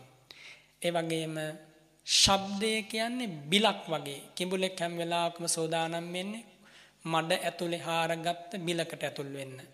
ඊළඟට නාසය නම් වූ ස්වභාවය බුදුරජාණන් උපමාවකින් දේශනා කරන හරියට උකුස්සෙක් වගේ කියලා. ඊළඟට නාසයට අරමුණු වන ගඳ සුවඳ ආකාසය වගේ උකුස්සෙක් ආකාසෙ පියාඹගෙන යන්න යම්සේද අන්නේ වගේ මේ නාසය ගඳ සුවඳ හොය හොයා වෙහෙසෙනවා. ඊළඟට දිව නම් වූ ධර්ම ස්වභාවය බුදුරජාණන් වහන්සේ දේශනා කරනවා සුනකයෙක් වගේ කියලා. සුනකයෙක්. සුනකයාට ප්‍රිය වෙන්නේ කුමක්ද? සුනකයෙකුට ප්‍රිය වෙනවා ගම්මානේ එහෙමේ නැත්තම් ගෙයින් ගෙට ඇවිද යාම පාරෙන් ඇවිද යාම වීතිය ඇවිද යාම ඒ ඒ තැන්වල ඇවිද යාම ඒ ඒ දේවල් හොය හොයා කිසිම හසරක් අරමුණක් නැතුව එහෙම ඇවිද යනවා සුනකේ ওই පාර දැකලා තියෙන්නේ. අන්න ඒ වගේ මේ දිවත් විවිධ රසයන් හොය හොයා ඇවිදගෙන යනවා. ඊළඟට මේ ශරීරය නැත්තම් ආධ්‍යාත්මික ආයතනයක් වන කය බුදුරජාණන් වහන්සේ දේශනා කරනවා හිවලෙක් වගේ කියලා. ශෘංගාලකයන් හිවලෙක් වගේ. හිවලෙකුට හැම වෙලාවකම ප්‍රිය වෙන්නේ අමු සොහොනනේ මලකුණු කෑම හිවලුන්ට ප්‍රියයි. මේ ශරීරයත් කුමක් හෝ මලකුණක් වැළඳ ගන්න සිප ගන්න බලාපොරොත්තු වෙනවා. සෑම මොහොතකම. ඒ වගේම මේ මනස කියන්නේ වඳුරෙක් වගේ කියනවා. වඳුරෙක් හැම වෙලාවකම කැලයට වනලැහැබකට පඳුරු ගොඩකට කැමති වෙනවා. මේ සිතත් නොයෙක් විදිහේ කුණු ගොඩවල් හොය හොයා යන්න, කුණු අරමුණු හොය හොයා යන්න, හිත දූෂ්‍ය කරන දේවල් හොය හොයා යන්න කොච්චර හරි කැමතියි. ඉතින් එනිසා ඔබ තේරුම් ගන්න මේ ඇස කන නාසය දිවකය මනස කියන මේ ධර්මතා සර්පයකට උපමා කරලා කිඹුලකට උපමා කරලා උකුස්සෙකුට සුනකයෙකුට ශෘංගාලයකට වඳුරෙකුට උපමා කරලා. මේ විදිහට හඳුනාගත්තොත් ඇසෙන් කනෙන් නාසයෙන් බේරීම නම් වූ මිදීම නම් වූ ශාන්ත නිවන වෙත ඔබට ගමන් කරන්න ලැබෙනවා. ඊළඟට බුදුරජාණන් වහන්සේ දේශනා කරනවා ඡ විඥානකායා වේදිතබ්බා. මේ ඇස ඇසුරු කරගෙන කනනාසය දිව කය ඇසුරු කරගෙන පහළවන විඥානයන් තියෙනවා සිත් තියෙනවා. ඒ බඳු සිත් කොටස් හයක් තියෙනවා අවබෝධ කරගත යුතු දැනගත යුතු තේරුම් ගත යුතු. මොනවද? ජ විඥානකායා වේදිතබ්බාදී ඉති කොහ පනීතං වුත්තං කිංචේතං පටිච්ච වුත්තං චක්ඛුංච පටිච්ච රූපේච උප්පජ්ජති චක්ඛු විඥානං මුලින් සඳහන් කරපු ඇස නම් වූ ධර්මයත් බාහිර රූපයත් එකතු වෙච්ච තැන පහළ වෙනවා සිතක් ඒ සිතට කියනවා චක්කු විඥානය කියලා. ඒ චක්කු විඥාන සිත පහළ වෙන්නේ මේ ඇස ඇසුරු කරගෙන ඔබේ ඔය තියෙන මස් බෝලයක් මස් බෝල දෙකක් තියෙන්නේ. ඒ මස් බෝල දෙක ඇසුරු කරගෙන පහළ වෙනවා කර්මය නිසා චක්ෂු ප්‍රසාද රූපය. අන්නේ චක්ෂු ප්‍රසාද රූපය ඇසුරු කරගෙන තමයි චක්කු විඥාන සිත පහළ වෙන්නේ. චක්කු විඥාන සිත පහළ වෙන්නේ නැහැ කන ඇසුරු කරගෙන. කන ඒ වගේම නාසය දිව කය ඇසුරු කරගෙන චක්කු විඥාන සිත පහළ වෙන්නේ නැහැ. චක්කු විඥාන සිත පහළ වෙන්නම නම් පහළ වෙන්නේ චක්සු ප්‍රසාද රූපය ඇසුරු කරගෙනමයි. එහෙනම් චක්සු ප්‍රසාද රූපය ඇසුරු කරගෙන චක්කු විඥානයක් පහළ වෙන්න නම් චක්සු ප්‍රසාදයේ හොඳ තත්වයෙන් තිබිය යුතුයි. රූපාරම්මණයක් මේ චක්සු ප්‍රසාදයේ ගැටෙන්නට ඕන. ආන්න එතකොට චක්කු විඥාන පිට පහළ වෙනවා. ඔන්න එක සිතක් චක්කු විඥාන සිත. ඒ චක්කු විඥාන සිතේ තියෙනවා කුසල විපාක අකුසල විපාක ආදී වශයෙන් ප්‍රභේදයක්. ඊළඟට සෝත විඥාණය. සෝත විඥාණය කොහොමද පහළ වෙන්නේ? සෝතංච පටිච්ච සද්දේච උප්පජ්ජති සෝත විඥානං. කනත් ශබ්ද රූපයත් කියන දෙක එකතු වුණාට පස්සේ මේ කන් කුහරයේ ඇතුලේ තියෙනවා හරියට බෙර ඇසක් හා සමාන තැනක් අන්නේ බෙර ඇසක් හා සමාන තැන රෝම කූපයක් මගේ ධර්ම ස්වභාවයක් ඇසුරු කරගෙන සෝත ප්‍රසාද රූප පහළ වෙනවා ඒවා පහළ වෙන්නේ කර්මය නිසා. අන්නේ කර්මයෙන් පහළ වෙන සෝත ප්‍රසාද රූපයේ ශබ්ද රූපයක් ගැටුණාට පස්සේ අන්නේ තන ඇසුරු කරගෙන පහළ වෙනවා සෝත විඥාන සිත. ඊළඟට බුදුරජාණන් වහන්සේ වදාරනවා ඝානංච පටිච්ච ගන්ධේච උප්පජ්ජති ඝාන විඥානං. මේ නාසයත් ගඳ සුවඳත් එකතු වුණාට පස්සේ සිතක් පහළ වෙනවා ඒ ගඳ සුවඳ දැන ගැනීම වශයෙන් අන්නේ සිතට කියනවා ඝාන විඥාන සිත කියලා. එතකොට මේ ඝාන විඥාන සිත කියන ධර්ම ස්වභාවය පහළ වෙන්නට ගන්ධාරම්මණයක් මේ නාසයේ නාස් කුහරය ටිකක් ඇතුළට වෙන්න එළු කුරයක සටහනක් වගේ ප්‍රදේශයක් පුරා පැතිරිලා පහළ වෙන ඝාන ප්‍රසාද රූපයේ ඒ ගන්ධ රූපේ ගැටෙන්නට ඕන. අන්න එහෙම ගැටීමක් සිද්ධ වෙච්ච ගමන් ඔන්න සුවඳ දැනෙනවා ආදී වශයෙන් කියන්නේ මට දැන් රූප පේනවා, ශබ්ද ඇහෙනවා, සුවඳ දැනෙනවා කියන්නේ ඔන්න ඔය සිද්ධාන්තයට, ඔන්න ඔය ක්‍රියාවලියට. ඊළඟට බුදුරජාණන් වහන්සේ වදාරනවා ජීවහංච පටිච්ච රසේච උප්පජ්ජති ජීවහ විඥානං. මේ දිවත් රසයත් එකතු වුණාට පස්සේ සිතක් පහළ වෙනවා. ඒ සිතට කියනවා ජීවහා විඥානය කියලා. ඒ ජීවහා විඥානය නිසා තමයි ලුණු රස ආදී වශයෙන් රස දැනගන්න මුල පුරන්නේ. ලුණු රස, ඇඹුල් රස, තිත්ත රස ආදී වශයෙන් වෙ තියෙන්නේ කසට රස. මේ රස දැනගන්නේ දිව රස රූපයත් සමග එකතු වීමෙන් අනතුරුව පහළවන ජීවහා විඥාන සිත මුල් කරගෙන. එතකොට මේවා සිද්ධ වෙන ක්‍රමවේදයක් තියෙනවා. දැන් ඇසට රූපයක් අරමුණු වුණාට පස්සේ පංචද්වාරා වර්ජන සිතක් පහළ වෙනවා චක්කු විඤ්ඤාණ සම්පටිච්ඡන සම්තීරණ වොත්තපන මෙහෙම සිත් පරම්පරාවක් පහළ වෙලා ඉන් අනතුරුව පහළ වෙනවා ජවන් සිත් කියලා කොටසක්. අන්නේ අවස්ථාවේ තමයි කුසලා කුසල වශයෙන් චිත්තය බැසගන්නේ චේතනා චෛතසිකයට නැත්තම් කුසලා කුසල වශයෙන් කර්ම වීතියට සිත බැසගන්නේ අන්නේ අවස්ථාවේ. එතකොට යම් කිසි කෙනෙක් මේ ක්‍රියාවලිය දන්නේ නැත්නම් ඇසෙන් රූපයක් බලපු ගමන්ම ඒක ලස්සන රූපයක් නම් ලෝභයක් ඇති කරගන්නවා. ලෝභය කියන්නේ උපාදාන ඥානයක් ඒ ලෝභය යාට හේතු වෙනවා මරණින් මස්සේ പ്രേත ලෝකේ යන්න. දැන් මේ වගේ වෙලාවක ඔබේ දැසට පේන්නේ මහා සංඝරත්නය ධර්ම දේශනා කරන ස්වාමින් වහන්සේ මේ බණ මඩුව මේවා ඇසෙන් දකිද්දි පහළ වෙන්නේ කුසල් සිත් ඥාන සංප්‍රයුක්ත කුසල් සිත්. ඒ කුසල් පිට නිසා ඔබට බොහෝ සැනසීමක් ලැබෙනවා. වචන වලින් කිව නොහැකි නිවන හිම්කොට ලෞකික ලෝකෝත්තර උභයාර්ථයේ සැලසෙන චිත්තෝත්පාදයක් පහළ වෙනවා. ඉතින් ඒ නිසා මේවා ගැන හොඳට හිතන්න බලන්න. ඊළඟට බුදුරජාණන් වහන්සේ වදාරනවා කායංච පටිච්ච පොට්ටම්මේච උප්පජ්ජති කාය විඥානං මේ ශරීරය ඇසුරු කරගෙන තියෙන කාය ප්‍රසාද රූපය සහ ස්පර්ශය නැත්තම් පොට්ටබ්බාරම්මණය එකතු වුණාට පස්සේ කාය විඥාන සිත පහළ වෙනවා. මේ ශරීරයේ සෑම තැනකටම ස්පර්ශය දැනෙන්නේ නැහැනේ කෙස් ගස් තියෙන තැන් කෙස් වලට දැනෙන්නේ නැහැ නියපොතු වලට දැනෙන්නේ නැහැ. ඒ වගේම වියලි සම් තිබ්බොත් ඒ වගේ තැන් වලට දැනෙන්නේ නැහැ ඒ නිසා ඒ එසේ නොවන සෑම තැනකටම ශරීරයේ පිට ශරීරයේ ඇතුලේ දැනෙනවා. දැනෙන්නේ කුමක්ද? ස්පර්ශය හෙවත් පොට්ටබ්බාරම්මණය. ඒ දැනීම සඳහා සිද්ධ වෙන්නේ කුමක්ද? කාය ප්‍රසාද රූපයත් පොට්ටබ්බාරම්මණයත් දෙක එකතු වෙනකොට කාය විඥාන සිත පහළ වෙනවා. ඇතැම් කාය විඥාන සිතත් දුක්ඛ සහගතයි. ඇතැම් කාය විඥාන සිතත් සුඛ සහගතයි. ඒ කියන්නේ ඉෂ්ට වූ ප්‍රියමනාප රූපයක් ප්‍රියමනාප ස්පර්ශයක් මේ ශරීරයේ ස්පර්ශ වෙනකොට සැප වේදනාවක් ඇති වෙනවා. අපි කැමති නැති දෙයක් මේ ශරීරයේ ස්පර්ශ වෙනකොට නැත්තම් අපි කැමති ඌ හෝ වේවා නොඌ වේවා කුමක් හෝ අමිහිරි ස්පර්ශයක් ශරීරයේ ගැටෙනකොට දුක්ඛ සාගත කාය විඥානය ඇති වෙනවා. ඉතින් මේ විදියට කාය විඥානය පහළ වෙන්න හේතු වෙනවා කුමක්ද කාය ප්‍රසාදය පොට්ටබ්බ රූපය කියන මේ ධර්මතා දෙක. ඊළඟට බුදුරජාණන් වහන්සේ වදාරනවා මනංච පටිච්ච ධම්මේච උප්පජ්ජති මනෝ විඥානං. මනසත් ඊළඟට අරමුණුත් නැත්තම් ධම්මායතනය නම් අරමුණුත් එකතු වුණාට පස්සේ මනෝ විඥානය පහළ වෙනවා කියලා. මේ මේ තැන් බොහෝ භික්ෂූන් වහන්සේලා ගිහි ඇත්තෝ පටල ගන්නා තැන්. මනසයි අරමුණු එකතු වුනහම මනෝවිඤ්ඤාණය පහළ වෙනවා නම් මනස කියන්නේ වෙනම එකක් මනෝවිඤ්ඤාණය කියන්නේ වෙනම එකක් කියලා තෝරනවා. හැබැයි ඨපෙත්වා ද්වේ පංච විඤ්ඤාණානි සේසං භාවීසති විධං ලෝකීය විපාක චිත්තං කියලා මේ මනෝවිඤ්ඤාණය කියන තැන විස්තර කරනවා ධර්මාචාර්යවරු මහරහතන් වහන්සේලා එනිසා මනස කියන්නේ සාවජ්ජනං භවංගන්තු මනෝද්වාරන්ති උච්චති කියපු දේශනා පාඨයට අනුව භවාංග සිතට කියනවා මනස කියලා මේ ධර්ම කතාවේ. අන්නේ භවාංග සිත පවතින වේලාවක මේ ආයතන 6 ඇසුරු කරගෙන කුමක් හෝ අරමුණක් සමීප වුණොත් මේ ආයතන හයෙන් එකක ගැටුනොතින් අන්නේ වෙලාවේ ඒ භවාංග සිත සැලිලා සිඳිලා භවාංග චිත්තෝත්පාදය නතර වෙනවා. අන්න එහෙම නතර වීමත් සමගම ඉන් අනතුරුව සුදුසු පරිදි අරමුණේ හැටියට සිත් පහළ වෙන්න පටන් ගන්නවා. එක්කෝ ඇස ඇසුරු කරගෙන එහෙම නැත්නම් කන ඇසුරු කරගෙන මේ ආයතන හයෙන් එකක් ඇසුරු කරගෙන. ඒ නිසා මනංච පටිච්ච ධම්මේච උප්පජ්ජති මනෝ විඥානං කියන තැන තේරුම් ගන්නට ඕන.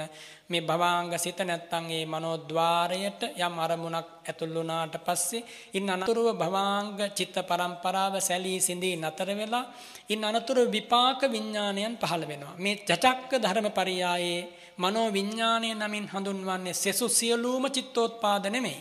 භවාංගයෙන් අන්‍ය වූ සියලු චිත්තෝත්පාද නෙමෙයි මෙතන දේශනා කරන්නේ අහේතුක විපාක සිත් වලට අයිති වන සිත් පහකුත් ඒ වගේම කාමාවචර මහ විපාක සිත් අටත් රූපාවචර විපාක සිත් පහත් අරූපාවචර විපාක සිත් හතරත් කියන මෙන්න මේ චිත්තෝත්පාදයන් නැත්තම් චිත්තෝත්පාද 22 තමයි මෙතන බුදුරජාණන් වහන්සේ මනෝ විඥාණය නමින් දේශනා කරන්නේ. ඉතින් මේවා හෙද්දි කෙනෙකුට හිතෙන්න පුළුවන් මේවා මේ අපිට නම් තේරෙන්නේ නැහැ. ඔබ වහන්සේටවත් තේරෙනවද කියලා.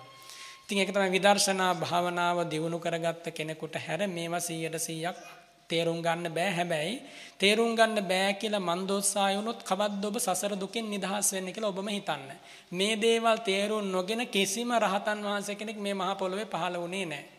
මේ දේවල් තේරුම් නොගෙන කිසිම කෙනෙක් සෝතාපන්න වුණේ නැහැ, සකදාගාමි වුණේ නැහැ, අනාගාමි වුණේ නැහැ, මහරහත් භාවයටපත් වුණේ නැහැ. ඉතින් ඒ නිසා ඒ එයින් අදහස් කරන්නේ මේ සියල්ලම ඒ උතුම් අවබෝධ කරා කියන එක නෙමෙයි. ඒ උත්තම මාර්ගයට ඵලයට අදාළ වන පරිදි මේ ධර්මතා තේරුම් ගත්තා. මෙන්න මේම හිතපු අය තමයි සෝතාපන්න උනේ. ඉතින් ඒ නිසා විඥාන කාය හයක් නැත්නම් විඥාන කොටස් හයක් බුදුරජාණන් වහන්සේ දේශනා කළා. ඒව මොනවද? චක්කු විඥාන, සෝත විඥාන, ගාන විඥාන, දිව්වා විඥාන, කාය විඥාන, මනෝ විඥාන. මෙන්න මේ කියන හයට කියනවා විඥාන කාය හය කියලා. ඊළඟට බුදුරජාණන් වහන්සේ දේශනා කරනවා ජ පස්සකායා ස්පර්ශයන් හයක් තියෙනවා. ඒ මොකක්ද?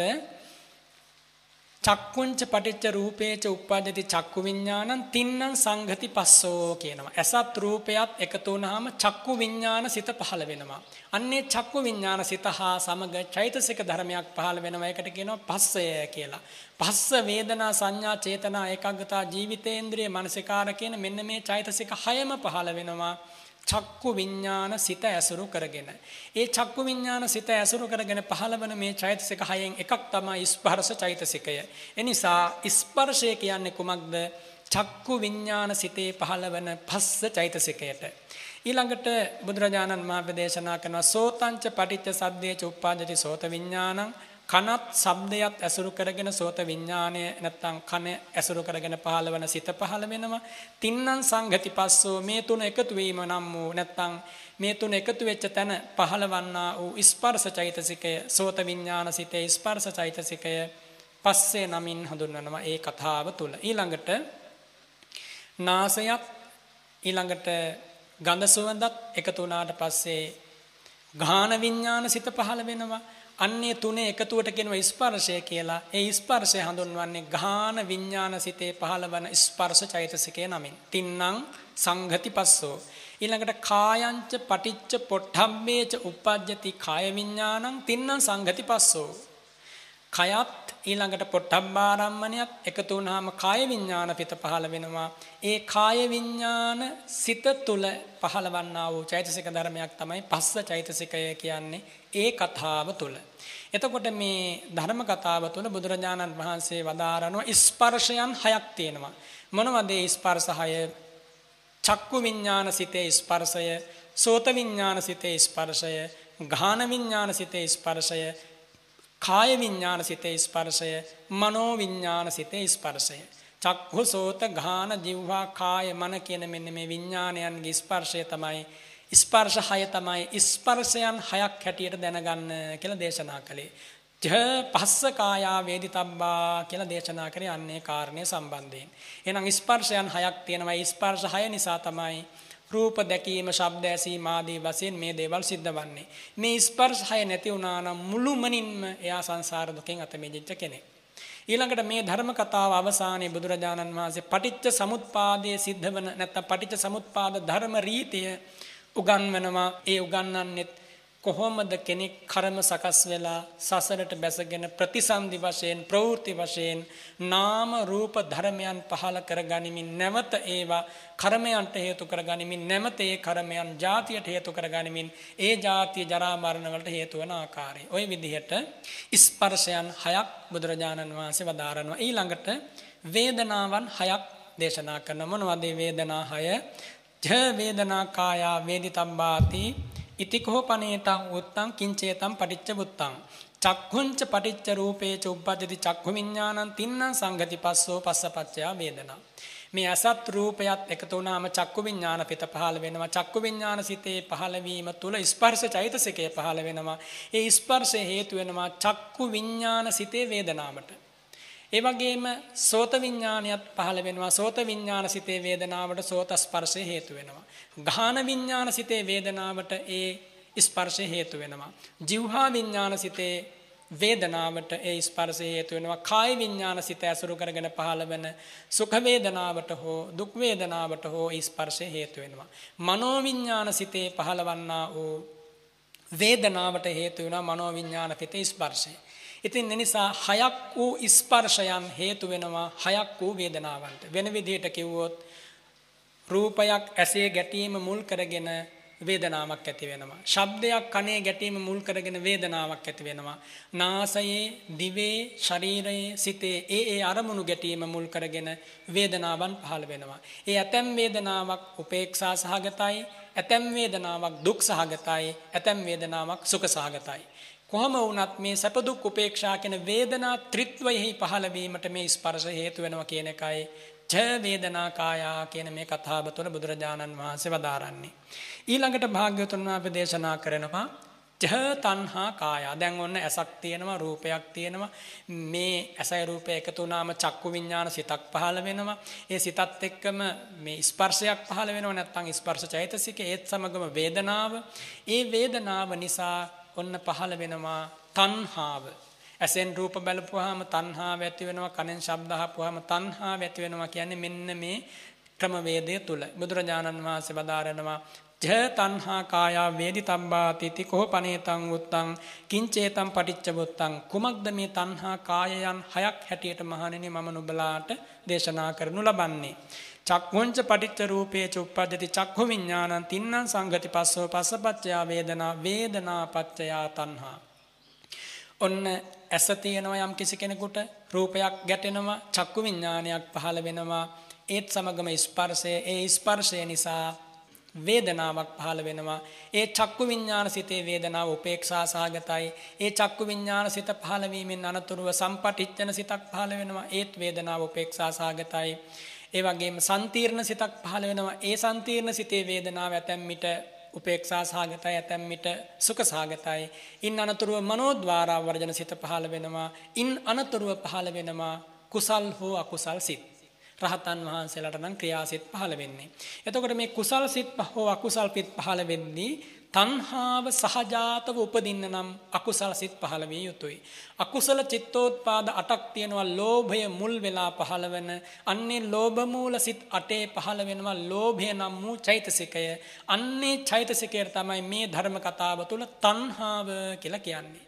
වෙන විදිහකින් කිව්වොත් අසත් රූපයක් නිසා එයාට තණ්හාවක් ඇති වෙනවා නම් ඒ ඇති වෙන්නේ ලෝභ මූල අකුසල් සිතක්.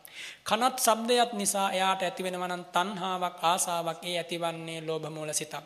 ඒ වගේම නාසයත් ගඳ සුවඳත් නිසා තණ්හාවක් බැඳීමක් ඇතිවෙනවා නම් ඇතිවන්නේ ලෝභ මූල සිතක්. ඒ වගේම දිවත් රසයත් නිසා යම් තණ්හාවක් ආසාවක් ගිජු බවක් ඇතිවෙනවා නම් ඇතිවන්නේ ලෝභ මූල සිතක්. එක සිතක් නෙමෙයි මම මේ සිතක් කියලා කිව්වට ඒ බඳු සිත් කෝටි ගණනක් එක බත් හුලක් රස විඳීම තුල පහළ වෙනවා. ඒ වගේම එක මලක් සිඹින මොහොතක එබඳු ලෝභ මූල සිත් කෝටි ගණනක් පහළ වෙනවා. ඒ වගේම එක ගීතයක් රස විඳින මොහොතක ඒ පුද්ගලයාට ලෝභ මූල සිත් ප්‍රකෝටි ගණනක් පහළ වෙනවා. ඒ වගේම කුමක් හෝ ලෝභයට හේතු වන අරමුණක් හිතට අරගෙන ඒ ගැන කල්පනා කරන වාරයක් ගානේ කෝටි ප්‍රකෝටි ගණන් ලෝභ මූල ජවන් පහළ වෙනවා. වැඩි ඕන්නේ මේ මේ තියෙන මලක් අරගෙන නාසයට කිට්ටු කරලා ආ මේ මල සුවඳයි කියලා ඒ සුවඳ ආස්වාදනය කළොත් අන්නේ ආස්වාදනය කරපු එක ඇත්ති කෙනෙකුට මේ සංසාරය තුල කෝටි වාරයක් දුකට වැටෙන්න. කෝටි වාරයක් പ്രേත ලෝකෙ වැටෙන්න. එතකොට මෙහෙම ආපුවාම හිතේ අපිට කොච්චර කර්ම සකස් වෙලා තියෙනවද? අපි කවදා මේවා ගෙවල ඉවර කරන්නද කියලා. ඒක තමයි බුදුරජාණන් වහන්සේ මහා කරුණාවෙන් දේශනා කළේ මහණෙනි අප්‍රමාදී වෙන්න කියලා. මේ ප්‍රශ්නේ මේ වෙලාවේ විසඳගත්තේ නැත්නම් ආයි කියලා දෙන්න කෙනෙක් කල්ප ගානකින් පහළවන්නේ නැහැ. කෝටි ගානකින් පහළවන්නේ නැහැ. එනිසා මේ විදිහට ඔබ හිතලා බලන්න තණ්හා කායයන් හයක් කියලා කිව්වේ මේ ඇස කන නාසාදී ආධ්‍යාත්මික ආයතන හය ඇසුරු කරගෙන පහළවන චිත්තෝත්පාදයන් නැත්තම් අවස්ථා හයක පහළවන තණ්හාව පිළිබඳව. රූප තණ්හා සද්ද තණ්හා ගන්ධ තණ්හා රස තණ්හා පොට්ටබ්බ තණ්හා ධම්ම තණ්හා කියලා කියන්නේ මෙන්න මේ තණ්හා හය පිළිබඳව. එතකොට දැන් මේ මේ කතාවේ මෙතෙක් වෙලා කෙටියෙන් කිව්වේ ආධ්‍යාත්මික ආයතන 6 ඇස කන නාසය දිව කය මනස බාහිර ආයතන 6 රූප ශබ්ද ගන්ධ රස පොට්ටබ්බ ධම්ම ඊළඟට විඥාන 6 චක්කු විඥාන සෝත විඥාන ගාන විඥාන ජීවා විඥාන කාය විඥාන මනෝ විඥාන ස්පර්ශ 6 චක්කු ස්පර්ශේ නැත්නම් චක්කු සම්පස්සේ සෝත සම්පස්සේ ගාන සම්පස්සේ ජීවා සම්පස්සේ කාය සම්පස්සේ මනෝ සම්පස්සේ ඊළඟට වේදනා 6 ඒ වේදනා 6 කියන්නේ චක්කු සම්පස්සජා වේදනා සෝත සම්පස්සජා ආදී වශයෙන් ඇස නිසා හට ගන්නා වේදනාව කන නිසා නාසය නිසා දිව නිසා කය නිසා සිත නිසා හට ගන්නා වේදනාව. තණ්හා හයක් කිව්වේ ඔය වේදනාවන් හය නිසා පහළ වෙන තණ්හාව. ඒ කියන්නේ ඇසේ ස්පර්ශයෙන් ඇසේ වේදනාව නිසා පහළ වෙනවා තණ්හාවක්. ඒ රූප තණ්හාව ඊළඟට ශබ්දේ නිසා ශබ්ද තණ්හාව ගන්ධේ නිසා ගන්ධ තණ්හාව රසේ නිසා රස තණ්හාව පොට්ටබ්බේ නිසා පොට්ටබ්බ තණ්හාව. ඊළඟට අරමුණු නිසා ධම්ම තණ්හාව. එතකොට දැන් මේ ඇත්තෝ කල්පනා කරන්න මෙන්න මේ විදිහට මේ තණ්හාව කෙලවරක් නැතිව අනාදිමත් සංසාරේ ඇති වුණා. මේන් මත්තෙත් මේ තණ්හාව මේ විදිහටම ඇති වේවි. හැබැයි තණ්හාව ඇති වුණොත් සැපයක් නම් කවදාවත් ලැබෙන්නේ නැහැ. වෙනත් විදියකින් මම කියන්නම් මේ තණ්හාවට ඔබ මේ මිනිස් ජීවිතයට එන්න කලින් ජීවිතේ තණ්හා සහගත අරමුණකින් නම් ජීවිතයේ අවසානයේ මුහුණ දුන්නේ. නැත්තම් ලෝභ උපාදානයක් නම් ඒ වෙලාවේ සිත ඇසුරු කරගෙන පහළ වුණේ ඔබ අද මනුස්ස ලෝකේ නැහැ. ඔබ එනම් තිරිසන් ලෝකෙම නැත්තම් പ്രേත ලෝකේ.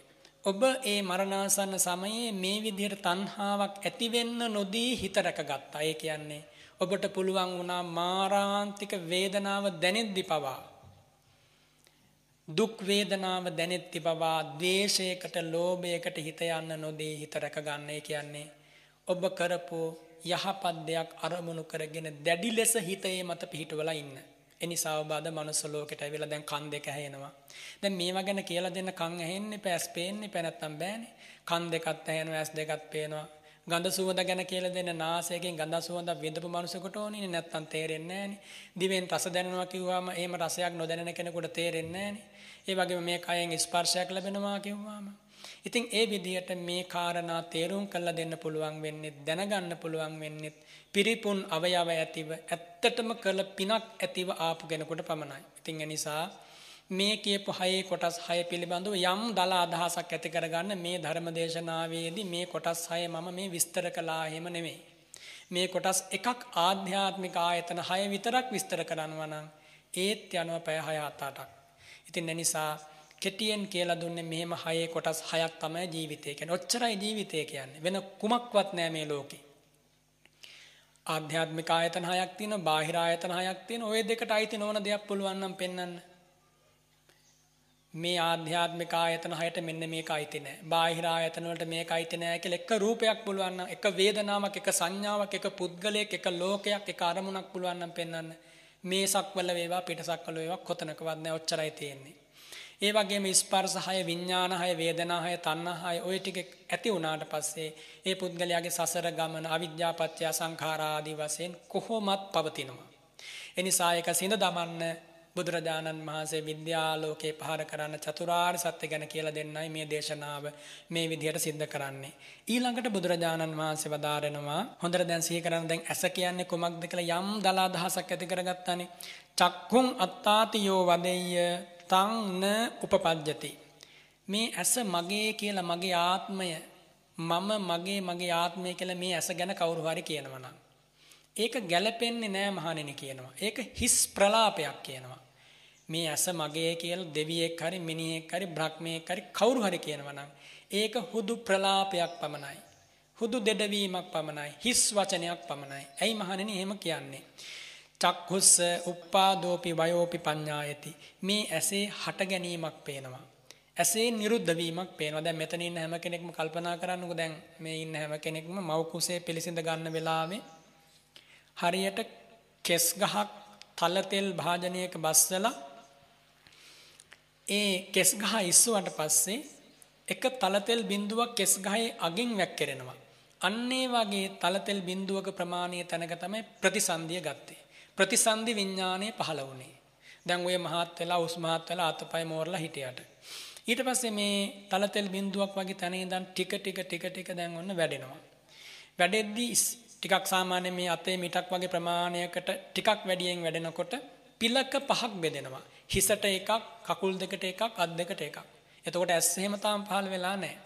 ඉන්න අනතුරුව තමයි දින ගණනක්, සති ගණනක් යැවෑමෙන් චක්ෂු ප්‍රසාදයේ මේ ඇස් කන් මේවා පහළ වෙන්න පටන් ගන්නවා.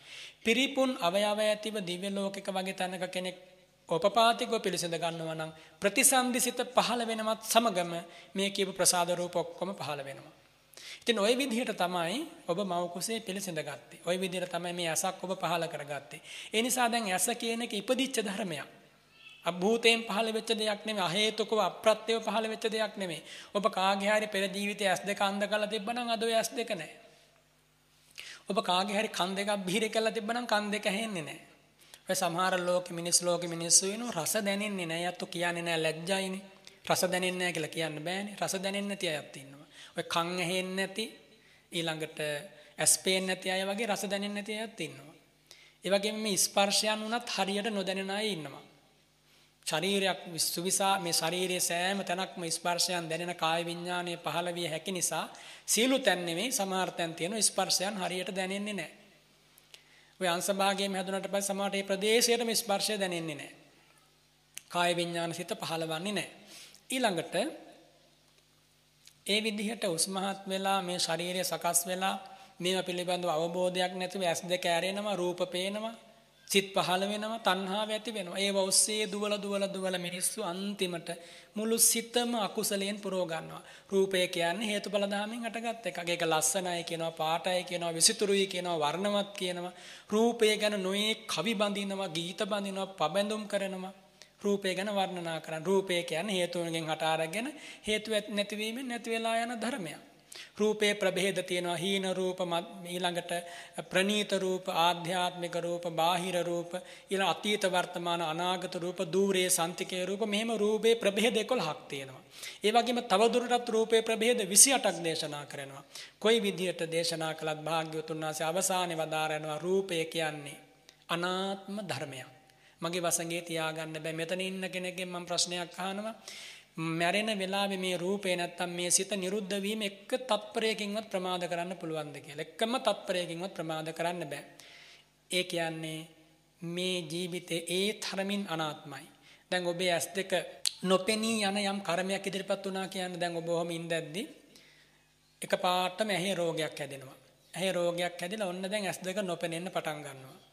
පුළුවන් තරම් බෙහෙත් කළා කළා අන්තිමට සමහර වෙන්නවා කරගන්න දෙයක් නැහැ ඇස් දෙක නොපෙනීම යනවා. ඉතින් ඒ ඇස් දෙක නොපෙනී යන වෙලාවේ ගන්න උත්සාහයන් ගන්න පුළුවන් තරම් අන්තිමේදී අතහැරලා දානවා. කර්මයේ බලවත් වුණාට පස්සේ ඒක වෙනස් කරන්න බැරුව යනවා ඒ වගේ තැන්වල. ඉතින් ඒ නිසා යම් දිනක ඔය ඇස් දෙක නැති වෙන කර්මයක් ඉදිරිපත් වුණොත් ඒක විපාක වාරයේ ඇස් දෙක අන්ධ වෙනවා. කන් දෙකත් එහෙමයි. ඉතින් ඒ නිසා මේව හොඳට තේරුම් ගන්න බලන්න භාග්‍යවතුන් වහන්සේ වදාරනවා මේ ඇස මගේ මගේ ජීවිතේ මගේ ආත්මය කියලා යම් කෙනෙක් ගන්නව නම් ඒක ගැළපෙන්නේ නැහැ මහණෙනි කියනවා. ඒක හිතන එක මිත්‍යාවක් කියනවා. එහෙම හිතන්න එපා කියනවා. ඇයි එහෙම කියන්නේ? ඇස හට ගන්නවා, පේනවා, මව් කුසේ පහළ වෙනවා. ඉන් අනතුරුව කාලයක් ගිහලා ඇස නිරුද්ධ වෙලා යනවා. ඇස කියන එකෙන් මම අදහස් කරන්නේ සසම්භාර චක්ෂුව, ප්‍රසාද චක්ෂුව කියන දෙකම. සසම්භාර චක්ෂුව කියන්නේ මේ මස් බෝල දෙක. ප්‍රසාද චක්ෂුව කියන්නේ මේ මස් බෝල දෙක ඇසුරු කරගෙන පහළ වෙනවා. රූප දැකීමේ හැකියාව ඇති මහ භූතයන්ගේ උපයක් පැහැයක්. අන්න එකට කියන ප්‍රසාද චක්ෂුව කියලා. එතකොට මේ ඇසත් එහෙමයි හටගෙන නිරුද්ධ වෙලා යනවා. ඒ නිසා මහණෙනි සුදුසු වන්නේ නැහැ කියනවා මේ ඇස මගේ මගේ ආත්මය කියලා ගන්න එක. චක්ඛුං අත්තාතියෝ වදෙය්‍ය ඉති චක්හුම් අනත්තා. කවුරු කොහොම කිව්වත් ඇස ආත්මයක්ය ආත්මයක් සහිත දෙයක්ය මගේ වසගේ පවත්වන්න පුළුවන් දෙයක්ය මට ඕන හැටියට පවත්වන්න පුළුවන් දෙයක්ය කියලා පවත්වන්න බෑ. දැන් මෙසන ඉන්න දැන් මේ වයසට ගිය පැත්ත කල්පනා කරන්න. ඔය ඇස් දෙක කුඩා කාලේ තරුණ කාලේ යොවුන් වියේ තිබ්බ විදිහද දැන් තියෙන්නේ? හැම කෙනෙක්ම කැමති ඒ කාලේ තිබුණා වගේ ඇස් දෙක තියාගන්න. ඇස් විතරක් නෙමේ කන් දෙක නාසය දිව මේ හැම ලොං ගහක්ම කෙස් ගහක්ම ඉදෙනවට කවුරුවත් කැමති වෙන්නේ නැහැ. හැමෝම කැමති නොයිදී නොපැසී හෙල්ලෙන්නේ නැතුව පිළිවෙලට දර්ශනීයව දැකුම් කලුව තියාගන්න. තියාගන්න හැදුවට තියාගන්න බෑ. එක්කම මිනිහෙක්වත් ඉතිහාසයේ නැ එකම නළුවෙක්වත් එකම රජෙක්වත් එකම සිටුවරයෙක්වත් නැහැ රූපේ වෙනස් නොවි තියාගත්ත. දෙවියන්ගේ පවා එච්චර ආයුෂයක් විඳලා අවසානයේ විරූපි වෙලා දිව්‍ය ලෝකෙන් චුත වෙනවා.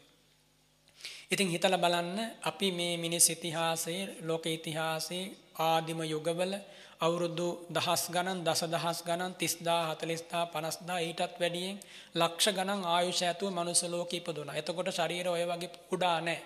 දැන් ඔය තියෙන්නේ රියන් කීපයයිනේ ශරීරයේ බඹයයිනේ. ඒ කාලේ ශරීර සමහරට රියන් 18යි ඊටත් වඩා වැඩි. එච්චර උස ශරීර තිබුණ.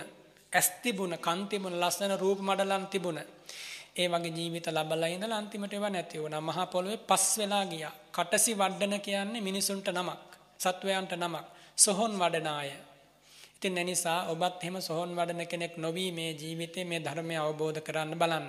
ඊළඟට භාග්‍යවතුන් වහන්සේ වදාරනවා යම් කිසි කෙනෙක් රූපය ආත්මය කියලා කියනවා නම් ඇසට පේන රූපය මගේ මට අයිති දෙයක් මගේ වසඟේ තියාගන්න පුළුවන් කියලා කියනවා නම් ඒක මිත්‍යාවක්. ඒක බොරුවක්. එහෙම වෙන්නේ නැහැ.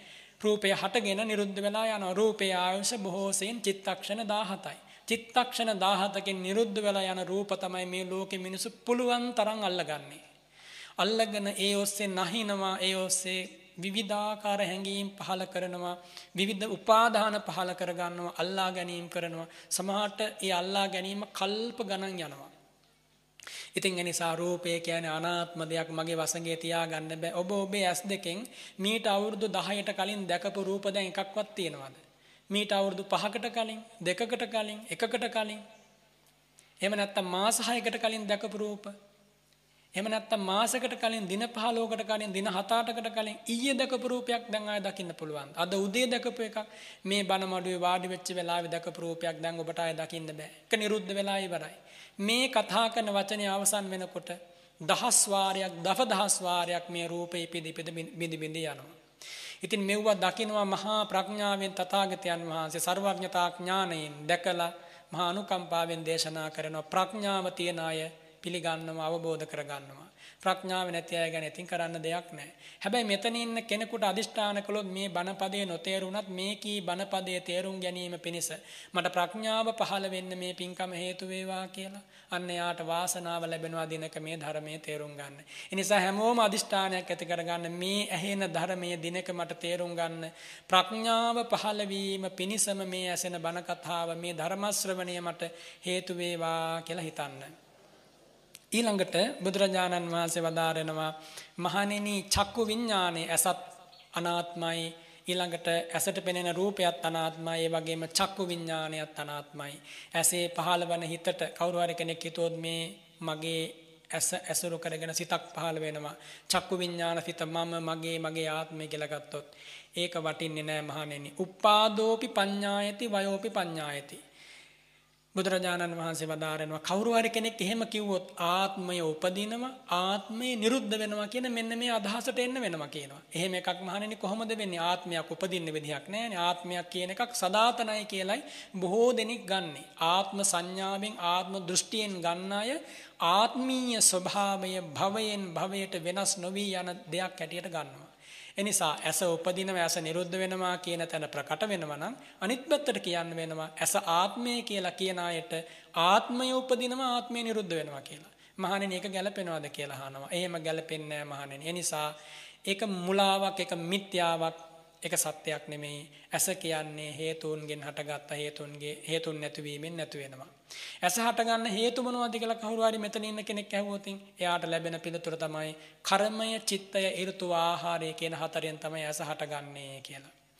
ඊළඟට බුදුරජාණන් වහන්සේ දේශනා කරන මේ චක්කු විඥානය නම් වූ ස්වභාවයත් ආත්මීය වශයෙන් ගන්න දෙයක් නෑ හරයක් නෑ ශුන්‍යයි. ආත්මීය වශයෙන් ශුන්‍යයි.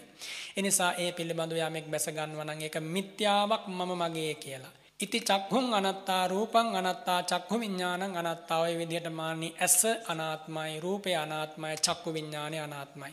ඊළඟට ඔබට කියල දුන්නනේ චක්කු ස්පර්සය කියල ඇසේ ස්පර්සය කනේ ස්පර්සය නාසේ ස්පර්සය ආදී වසයෙන් ස්පර්සහයක් ඔය ස්පර්ස හයත් ඒ කාන්තයෙන් අනාත්මයි.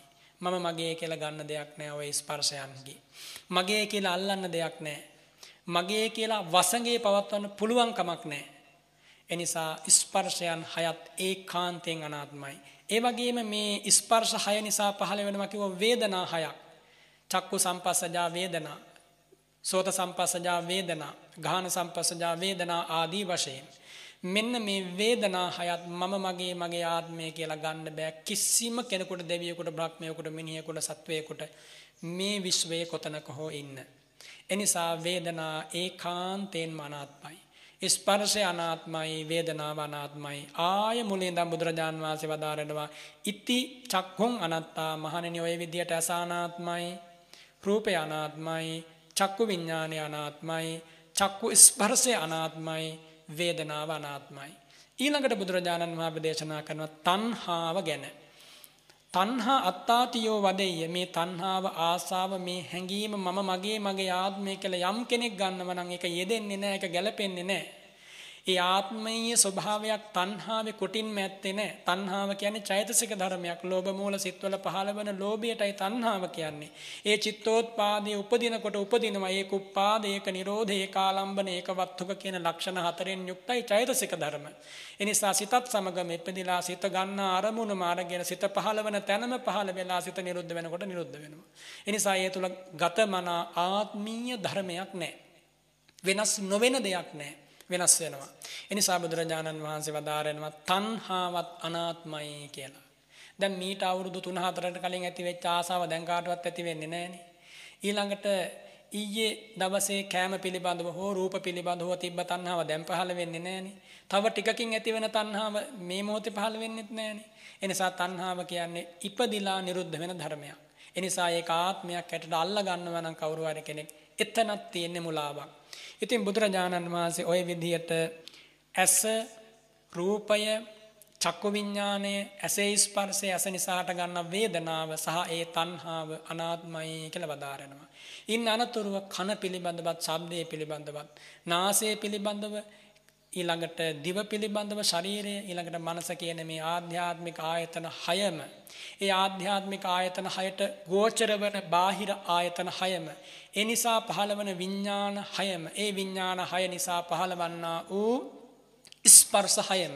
ඒ ස්පර්ස හය නිසා පහළ වන වේදනා හයම. ඒ වේදනා හය නිසා පහළ වන තන්හා හයම. අනාත්මයි කියලා වදාරනවා. දැන් මේවා ප්‍රගුණ කරපු කෙනෙකුට මේක මුළු මනින්ම විදර්ශනා භාවනාවක්. දෑස පියාගෙන මෙනෙහි කරගෙන එනකොට සක්කාය දිට්ඨිය නැති වෙනවා. ඊළඟට පෙර කරපු පින් තිබුණොත් සීලබ්බත පරාමාස ආදී අකුසල ධර්ම නැසීලා වාඩි වෙලා ඉන්න ආසනයේම සෝතාපන්න වෙලා තමයි නැගිටින්නේ. ඉතින් එහෙම පුරුදු කරලා තිබ්බ නැති කෙනෙකුට ඒ දේ සිද්ධ වෙන්නේ නැහැ. සිද්ධ නොවුණයි කියලා මේ දේවල් මට වැටහෙන්නේ නෑනේ කියලා කලකිරෙන්න එපා. උත්සාහවත් වෙන්න. ඊළඟට බුදුරජාණන් වහන්සේ වදාරෙනවා මේ කියන ලද ස්පර්ශයන් වේදනාවන් ආධ්‍යාත්මික ආයතන බාහිර ආයතන මේ කියපු හයේව හයම. මේ හයේව හයම ඒකාන්තයෙන් අනාත්මයි. අනාත්මයි කිව්වේ මම මගේ මගේ ආත්මය කියලා ගන්න දෙයක් නැහැ. ඒ විදිහට අල්ලන්න දෙයක් මේ තුල නැහැ. එහෙනම් මොකක්ද තියෙන්නේ? රූප ටිකක් තියෙනවා නාම ධර්ම ටිකක් තියෙනවා. එච්චරයි තියෙන්නේ.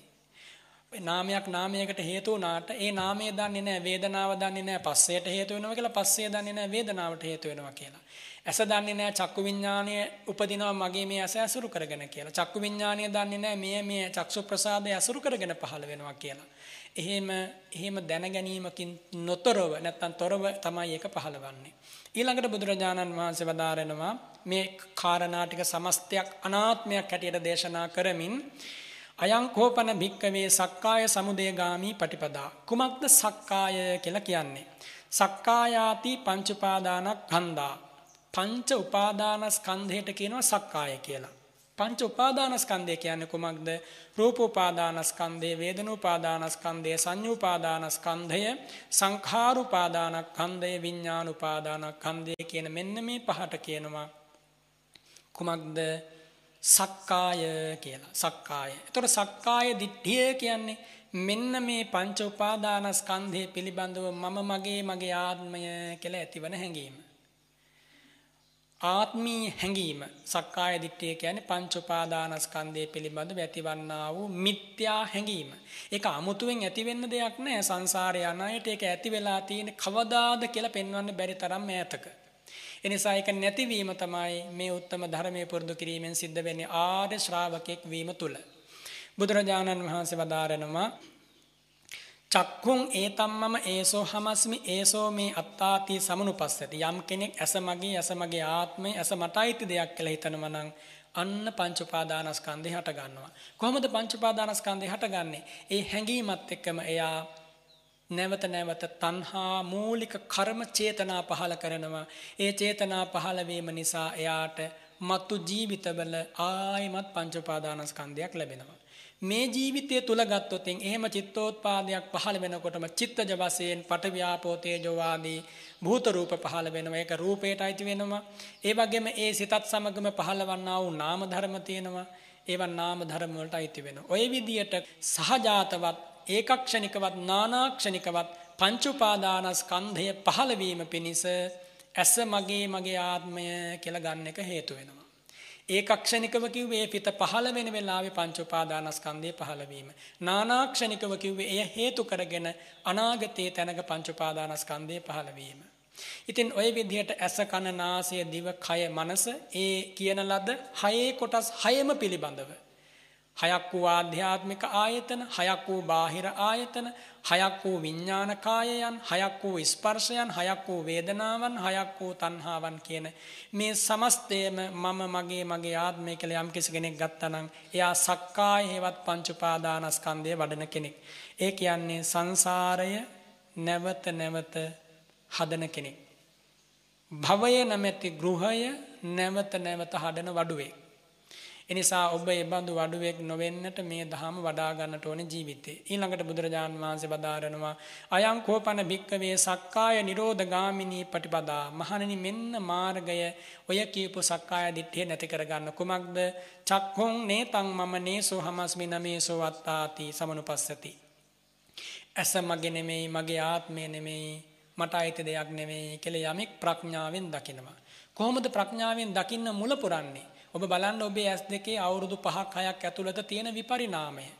අවුරුදු 20ක කෙනෙක් නම් බලන්න මතක තියෙන කාලේ තිබුණේ ඇසද දැන් තියෙන්නේ.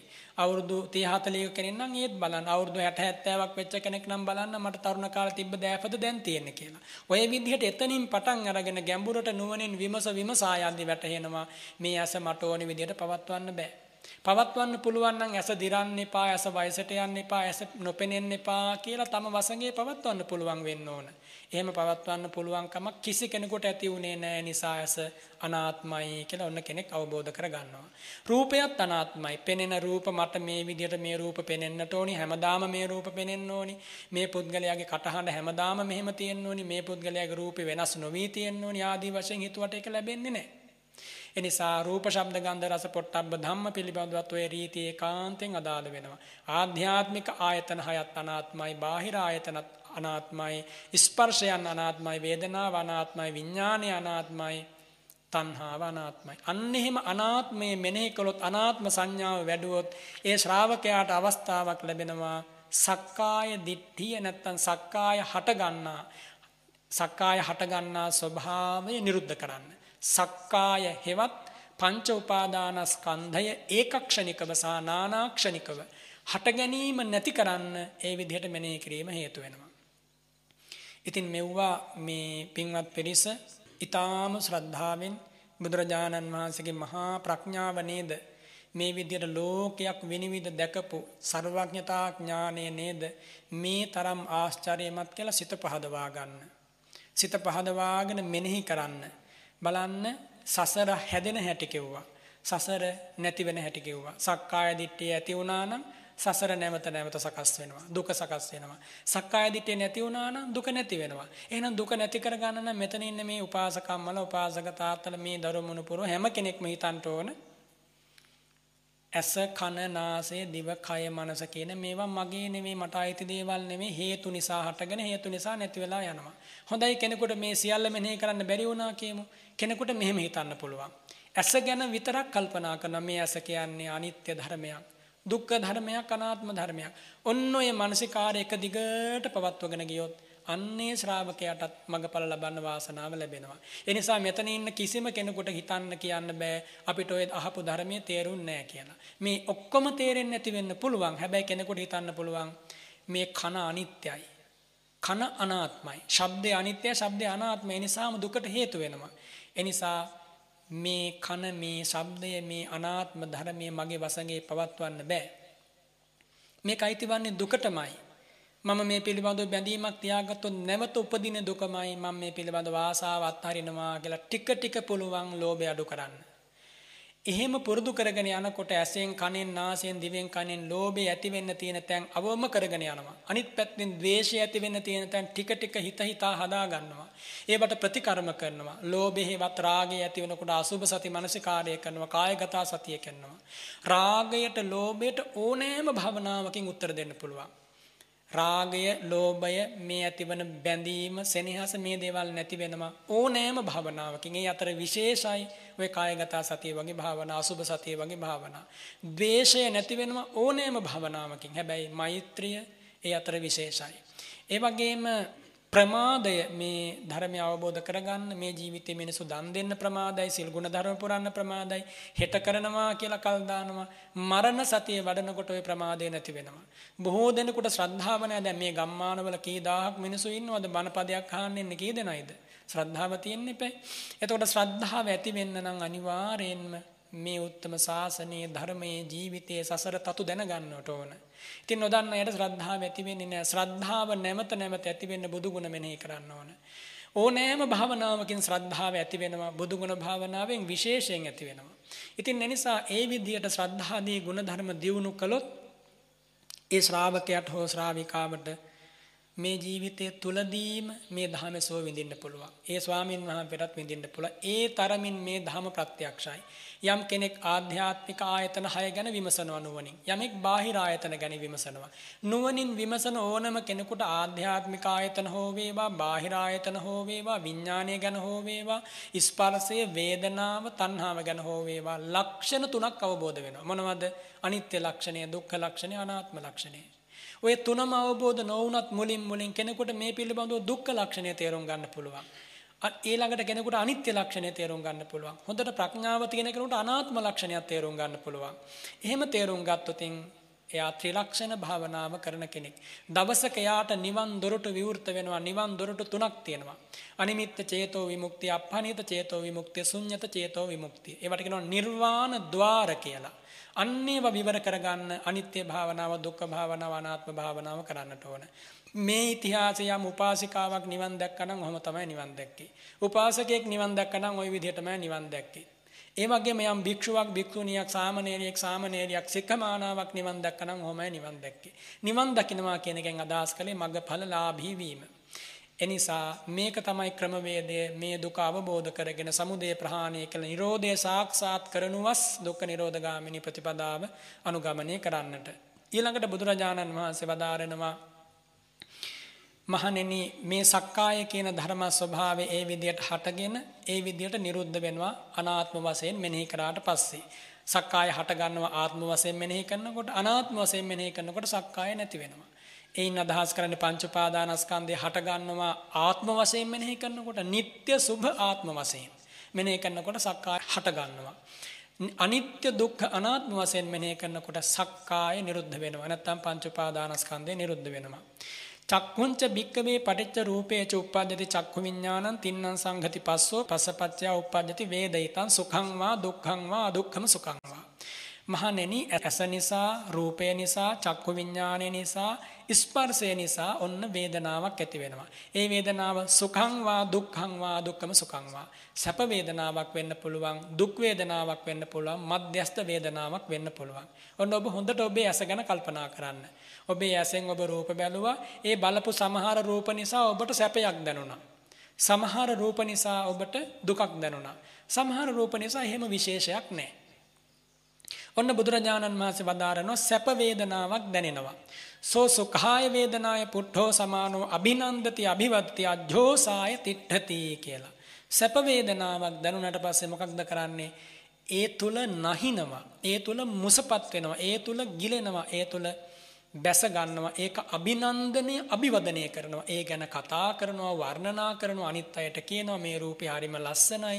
මේ ශබ්දය හරිම මිහිරි ආදී වශයෙන් වර්ණනා කරනවා. අන්න අජ්ජෝසාය තිට්ඨති. ඒ තුලට බැස ගන්නවා ඒ ආස්වාදයට. ඒ නිසා ඇතිවන සැප වේදනාවට ගිජු වෙනවා. ගිජු වුණාට පස්සේ බුදුරජාණන් වහන්සේ වදාරනවා තස්ස රාගානුසයෝ අනුසේති. අන්නයාට රාගය නම් වූ අනුසය නැත්තම් ඒ ක්ලේශය හට ගන්නවා. ඊළඟට භාග්‍යතුන් වහන්සේ දේශනා කරනවා දුක්ඛාය වේදනාය පුට්ඨෝ සමානෝ. ඔන්න දැන් ඇසෙන් රූපයක් බලලා දුකක් ඇති වෙනවා. අපි හිතමුකෝ අමිහිරි දෙයක් දැක්කා. අපේ සමීපම කෙනෙක්ගේ මල කඳක් දැක්කට පස්සේ කෙනෙකුට ඇති වෙන්නේ සැප වේදනාවක් නෙමෙයි. මේ රූපය දැකීමත් සමග ඇති වෙන දුක් වේදනාවක්. ඔන්න දුක් වේදනාවක් ඇති වුණාට පස්සේ භාග්‍යවතුන් වහන්සේ වදාරනවා සෝචති කිලමති පරිදේවති උත්තර තාලින් කන්දති සම්මෝහං ආපජ්ජති. එයා ශෝක කරනවා අඬනවා පපුවේ අත් දෙක ගහ ගන්නවා ඔළුවේ අත් දෙක ගහ ගන්නවා බිත්තිවල ඔළුව ගහ ගන්නවා. උඩු උඩුවත්තට පෙරලි පෙරලි වැටි වැටි හඬනවා. ඇයි ඒ දුක් වේදනාව නිසා. අන්න එහෙම කරද්දී එහෙම අඬද්දී එහෙම තැවෙද්දී බුදුරජාණන් වහන්සේ වදාරනවා තස්ස පටිඝානුසයෝ අනුසේති කියලා. පටිඝය නම් වූ අනුසය ඇති වෙනවා. පටිගය කියන්නේ ද්වේෂයට නමක්. ද්වේෂ මූල පිට පහළ වෙනවා කියන එකයි. ඊළඟට තණ්හා අනුසය නැත්තම් රාග අනුසය කියන්නේ ලෝභ මූල සිත් පහළ වෙනවා කියන එකයි. ලෝභ මූල සිත් පහළ වෙච්ච ගමන් හේතු වෙන්නේ പ്രേත ලෝකෙට යන්න. ද්වේෂ මූල සිත් පහළ වෙච්ච ගමන් නිරේ යන්න මල යක්ෂයෝ යක්ෂණියෝ වෙන්න හේතු වෙනවා. ඊළඟට බුදුරජාණන් වහන්සේ වදාරනවා දැන් අර රූපයක් බලලා ශබ්දයක් අහලා අදුක්කම සුඛ වේදනාවක් දැනෙනවනේ. ඒ කියන්නේ මධ්‍යස්ත වේදනාවක්. ඒ වේදනාව සැපයට අයිති වන්නේ නැහැ දුකට අයිති වන්නේ නැහැ මධ්‍යස්ත වේදනාවක් බුදුරජාණන් වහන්සේ වදාරනවා ඒ වේදනාවෙන් ස්පර්ශය ලැබූ යමෙක් වේනම් තස්ස වේදනාය සමුදයංච අත්ථංගමංච අස්සාදංච ආදීනමංච නිස්සරණංච යථා භූතං අපජානාති ඒ අදුක්ඛම සුඛ වේදනාවේ හටගන්නේ කොහොමද කියලා දන්නේ නැහැ ඒක නිරුද්ධ වන්නේ කොහොමද කියලා දන්නේ නැහැ ඒක ඒකේ ආදීනමය දන්නේ නැහැ ආස්වාදය දන්නේ නැහැ. ඒක නිස්සරණය දන්නේ නැහැ. එතකොට ට ගැනීම නිරුද්ධ වීම ආස්වාද ආදීනව නිස්සරණ දන්නේ නැත්නම් එයා ඒ අදුක්කම වේදනාව තුල මුලාවටපත් වෙනවා. තස්ස අවිද්‍යානුසයෝ අනුසේති. අන්න යාට අවිද්‍යා අනුසය හට ගන්නවා. නැත්නම් මෝහය හට ගන්නවා. සියලු අකුසල් සිත් සමග මෝහය හට ගන්නවා. මේ සෑම තැනකින්ම සිද්ධ වන්නේ කුමක්ද? අකුසල් සිත් පහළ වෙනවා. එක්කෝ ලෝභ මූල, එක්කෝ ද්වේෂ මූල, එක්කෝ මෝහ මූල. මේ අකුසල් පිට පහළ වුණාට පස්සේ ආ නැවත නැවත ඉපදෙන දිරන මැරෙන සසරට එකතු වෙනවා. බුදුරජාණන් වහන්සේ වදාරනවා මහණෙනි සුඛාය වේදනාය රාගානුසයන් අපහාය. ඔය සැප වේදනාව නිසා ඇතිවන රාගය දුරු කරන්නේ නැතිව දුක්ඛාය වේදනාය පටිඝානුසයන් අපපටි විනෝදෙත්වා. ඔය දුක් වේදනාවක් දැනුණට පස්සේ ඇතිවන ද්වේෂය ගැටීම දුරු නොකර අදුක්ඛම සුඛාය වේදනාය අවිජ්ජානුසයන් අසම්මූහනිත්වා අදුක්ඛම සුඛ වේදනාවේවත් උපේක්ෂා වේදනාව සම්බන්ධ වූ අවිද්‍යා අනුසේවත් අවිද්‍යාව ප්‍රහාණය නොකර විජ්ජං අනුපාදිත්වා. විද්‍යාව උපදවා ගන්නේ නැතිව පහල කරගන්නේ නැතිව ආර්ය මාර්ග ඥානය උදා කරගන්නේ නැතිව දිත්තේව ධම්මේ දුක්ඛස්සන්ත කරෝ භවිස්සති තිනේ තණ්හානං විජ්ජති. මේ ජීවිතයේ තුලදීම දුක අවසන් කරනවා සමුදය ප්‍රහාණය කරනවා කියලා එකක් සිද්ධ වෙන්නේ නැහැ කියනවා.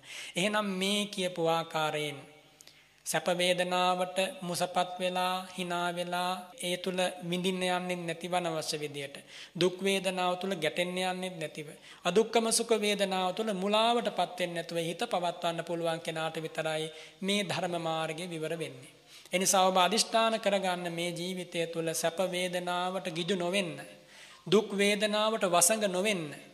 ඒ වගේම ඒ දෙක මැද තියෙන උපේක්ෂා වේදනාවට මුලා නොවෙන්න. බුදුරජාණන් වහන්සේ වදාරනවා චක්ඛුංචකෝ භික්කමේ පටිච්ච රූපේ චුප්පද්දති චක්කු විඥානං මහණනි අසත් රූපයත් නිසා චක්කු විඥානේ එනිසා චක්කු සම්පස්සේ එනිසා චක්කු සම්පස්සජා වේදනාව එනිසා තණ්හාව මේ විදිහට යම් කිසි කෙනෙක් ඇසෙන් කනෙන් නාසයෙන් දිවෙන් කනෙන් අරමුණක් ලබලා ඔන්න සැප වේදනාවක් ලබනවා. අන්නේ සැප වේදනාව යාට ඇති වුණාට පස්සේ සෝ සුඛාය වේදනාය පුට්ටෝ සමානෝ නාභිනන්දති.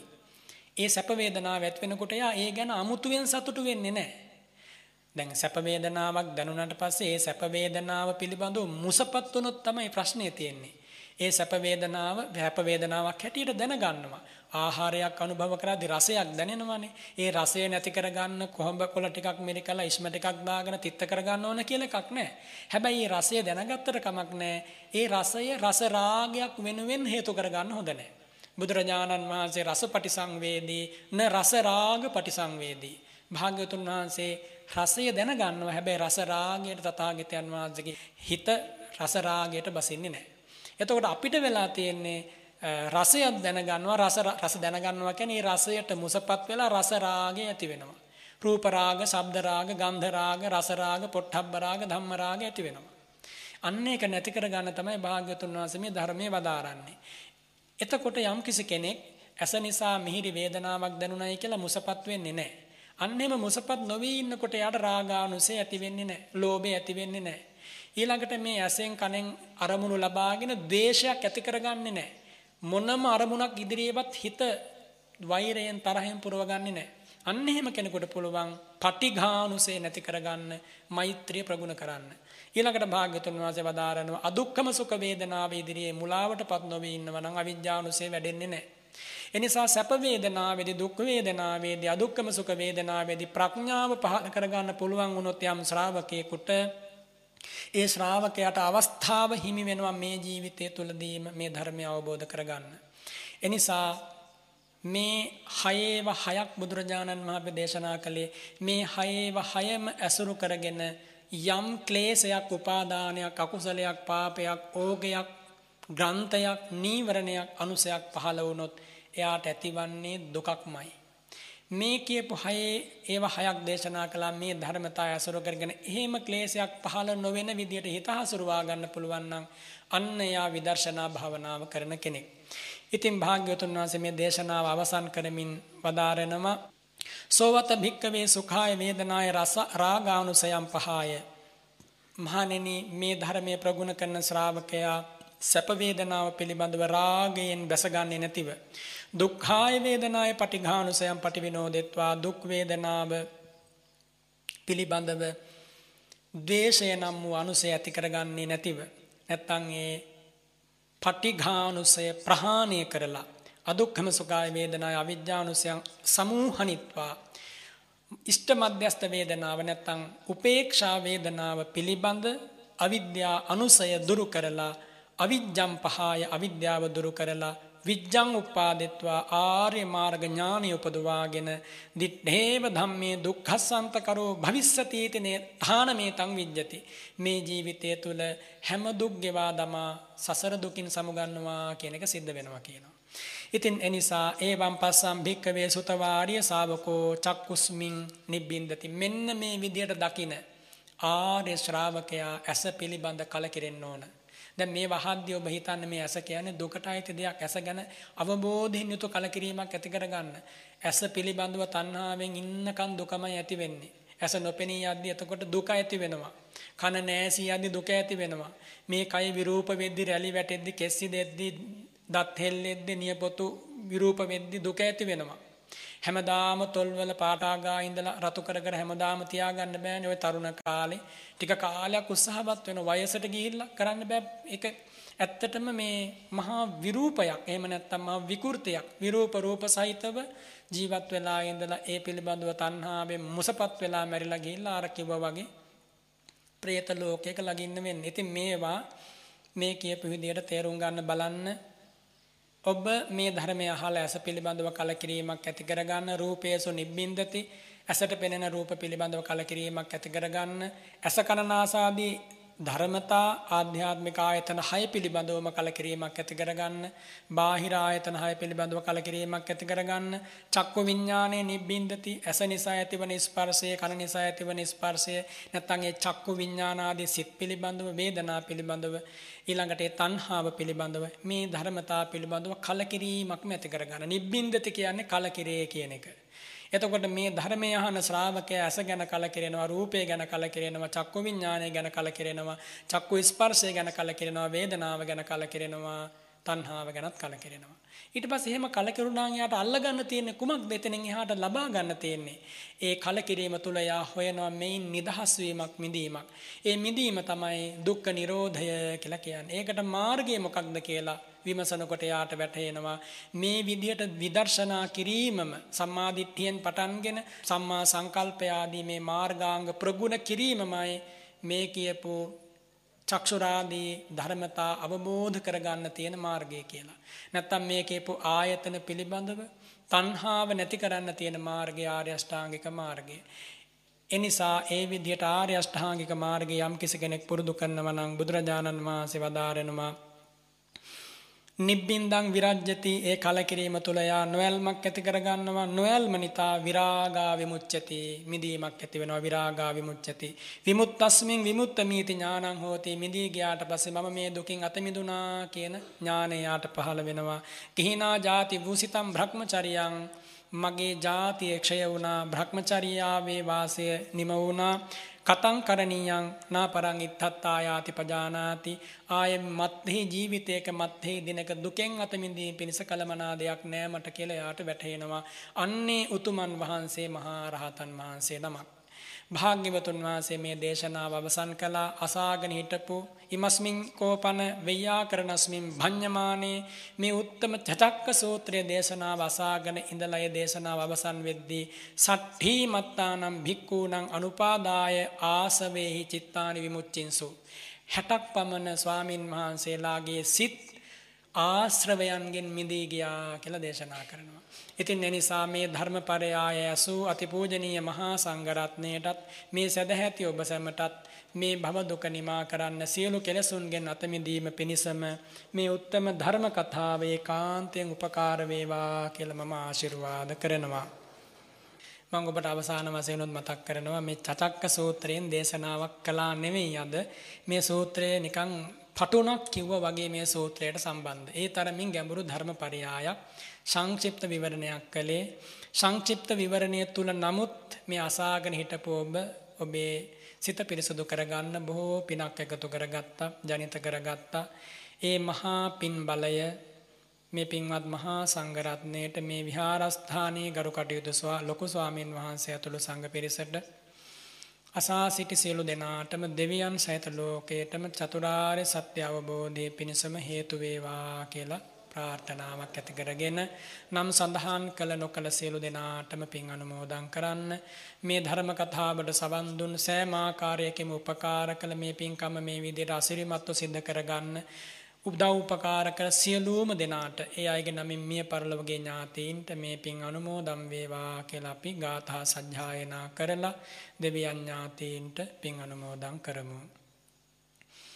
ඉදං වූ ඥාතිනං හෝතු සුඛිතා හොන්තු ඥාතයෝ ඉදං වූ ඥාතිනං හෝතු සුඛිතා හොන්තු ඥාතයෝ ඉදං වූ ඥාතිනං හෝතු සුඛිතා හොන්තු ඥාතයෝ එත්තාවතාච අම්මේහි සම්භතං පුඤ්ඤ සම්පදං සබ්බේ දේවා අනුමෝදන්තු සබ්බ සම්පත්ති සිද්ධියා එත්තාවතාච අම්මේහි සම්භතං පුඤ්ඤ සම්පදං සබ්බේ භූතා අනුමෝදන්තු සබ්බ සම්පත්ති සිද්ධියා එත්තාවතාච අම්මේහි සම්භතං පුඤ්ඤ සම්පදං සත්තා අනුමෝදන්තු සබ්බ සම්පත්ති සිද්ධියා ආකාසට්ඨාච භුම්මට්ඨා දේවානාගාමහිද්దికා පුඤ්ඤන්තං අනුමෝදිත්වා චිරං රක්ඛන්තු ශාසනං චිරං රක්ඛන්තු දේශනං චිරං රක්ඛන්තු ත්වං සදාති මම මේ වෙලාවේ අතිපූජනීය මහා සංඝරත්නයටත් මේ පින්වත් හැම දෙනාටමත් ආශිර්වාද කරනවා සෙත් පතනවා. මේ ඇසූ ධර්ම කතාව ඉතා ගම්භීර බණපදයක්. මෙවන් බණපදයක් අසන්නට තරම් පින පෑදුන ඔබට මේ උත්තම පින් බලයෙන් එවැගේම මේ ධර්ම දේශනාව සංවිධානය කරපු ඒ සමිත ස්වාමින් වහන්සේ ඇතුළු උදව් උපකාර කළ සියලු අතිපූජනීය මහා සංඝරත්නයට උපදෙස් ලබා දුන් ඒ ජිනානන්ද ස්වාමින් වහන්සේ ඇතුළු සංඝ පිරිසට ගරු කටයුතු මේ විහාරස්ථානයේ ලොකු ස්වාමින් වහන්සේ මේ සෑම දෙයකටම ආශිර්වාද කළා. ඉතින් මේ සහ සම්බන්ධ වෙච්ච ස්වාමින් වහන්සේලාට පින්වත් ඔබට මේ පින් බලයෙන් නිදුක් සුව සැලසේවා නිරෝගී සුව ලැබේවා ඇස ගැන අවබෝධ කරගන්න ඥාන දර්ශනය පහළ වේවා. ඇසෙන් කනෙන් නාසයෙන් දිවෙන් කයෙන් මනසෙන් අත මිදෙන මාවත පෑදේවා ආධ්‍යාත්මික ආයතන හය අවබෝධ වේවා. බාහිර ආයතන අවබෝධ වේවා. සයක් වූ විඥානයන් අවබෝධ වේවා. සයක් වූ ස්පර්ශයන් අවබෝධ වේවා සයක් වූ වේදනාවන් අවබෝධ වේවා සයක් වූ තණ්හාවන් අවබෝධ වේවා සක්කාය අවබෝධ වේවා සක්කාය සමුදය අවබෝධ වේවා සක්කාය නිරෝධය අවබෝධ වේවා සක්කාය නිරෝධගාමිනී ප්‍රතිපදාව ඔය ජීවිතවල අභිවර්ධනය වේවා. හැම කෙනෙකුටම මේ දුක නිමා කර ගැනීම පිණිසම මේ උත්තම බුද්ධ ශාසනය තුල ලැබිච්ච මිනිසත් බව ආශිර්වාදයක් වාසනාවක් වේවා. මැරෙන මොහොතේ මුලාවට පත් නොවේවා. මේ ජීවිතයේ ධර්මය අවබෝධ කරගන්න බැරි වුණොත් දුගතියකට පත් නොවේවා. සුගතියක උපදින්න මේ පින්පෙත් සිහිපත් වේවා මරණාසන්න සමයේ. හැම කෙනෙකුටම බුදු ගුණ දම් ගුණ සංඝ ගුණ අනන්ත තෙරුවන් ගුණ බලයෙන් සියලු සැනසීම ලැබේවා. උතුම් චතුරාර්ය සත්‍ය අවබෝධ වේවා කියලා මම ආශිර්වාද කරනවා. සබ්බීතියෝ විවජ්ජන්තු සබ්බරෝගෝ විනස්සතු මාතේ භවත්වන්තරායෝ සුඛී දීඝායුකෝ භව භවතු සබ්බ මංගලම් රක්හන්තු සබ්බ දේවතා සබ්බ බුද්ධානුභාවේන සදා සොත්හි භවන්තු තේ සබ්බ ධම්මානුභාවේන සදා සොත්හි භවන්තු තේ සබ්බ සංඝානු අනුභාවේන සදා සොත්හි භවන්තු තේ අභිවාදන සීලිස්ස නිච්ඡං වද්ධා පචායිනෝ චත්තාරෝ ධම්මා වඩ්ඩන්ති ආයුවන්නෝ සුඛං බලං ආයු ආරෝග්‍ය සම්පatti සග්ග සම්පatti මේවච අත්හෝ නිබ්බාන සම්පatti ඉමිනාතේ සමිඤ්ඤතු ඉද්ධිතං පද්ධිතං තුයිහං කිප්පමේව සමිඤ්ඤතු සම්මේ පුරෙන්තු චිත්ත සංකප්පා ඡන්தோ පන්න රසී යථාති සියලු දෙනාටම තෙරුවන්ගේ අනන්ත ගුණ බලයෙන් සියලු සැනසීම වේවා. සියලු දෙනාටම තෙරුවන් සරණයි.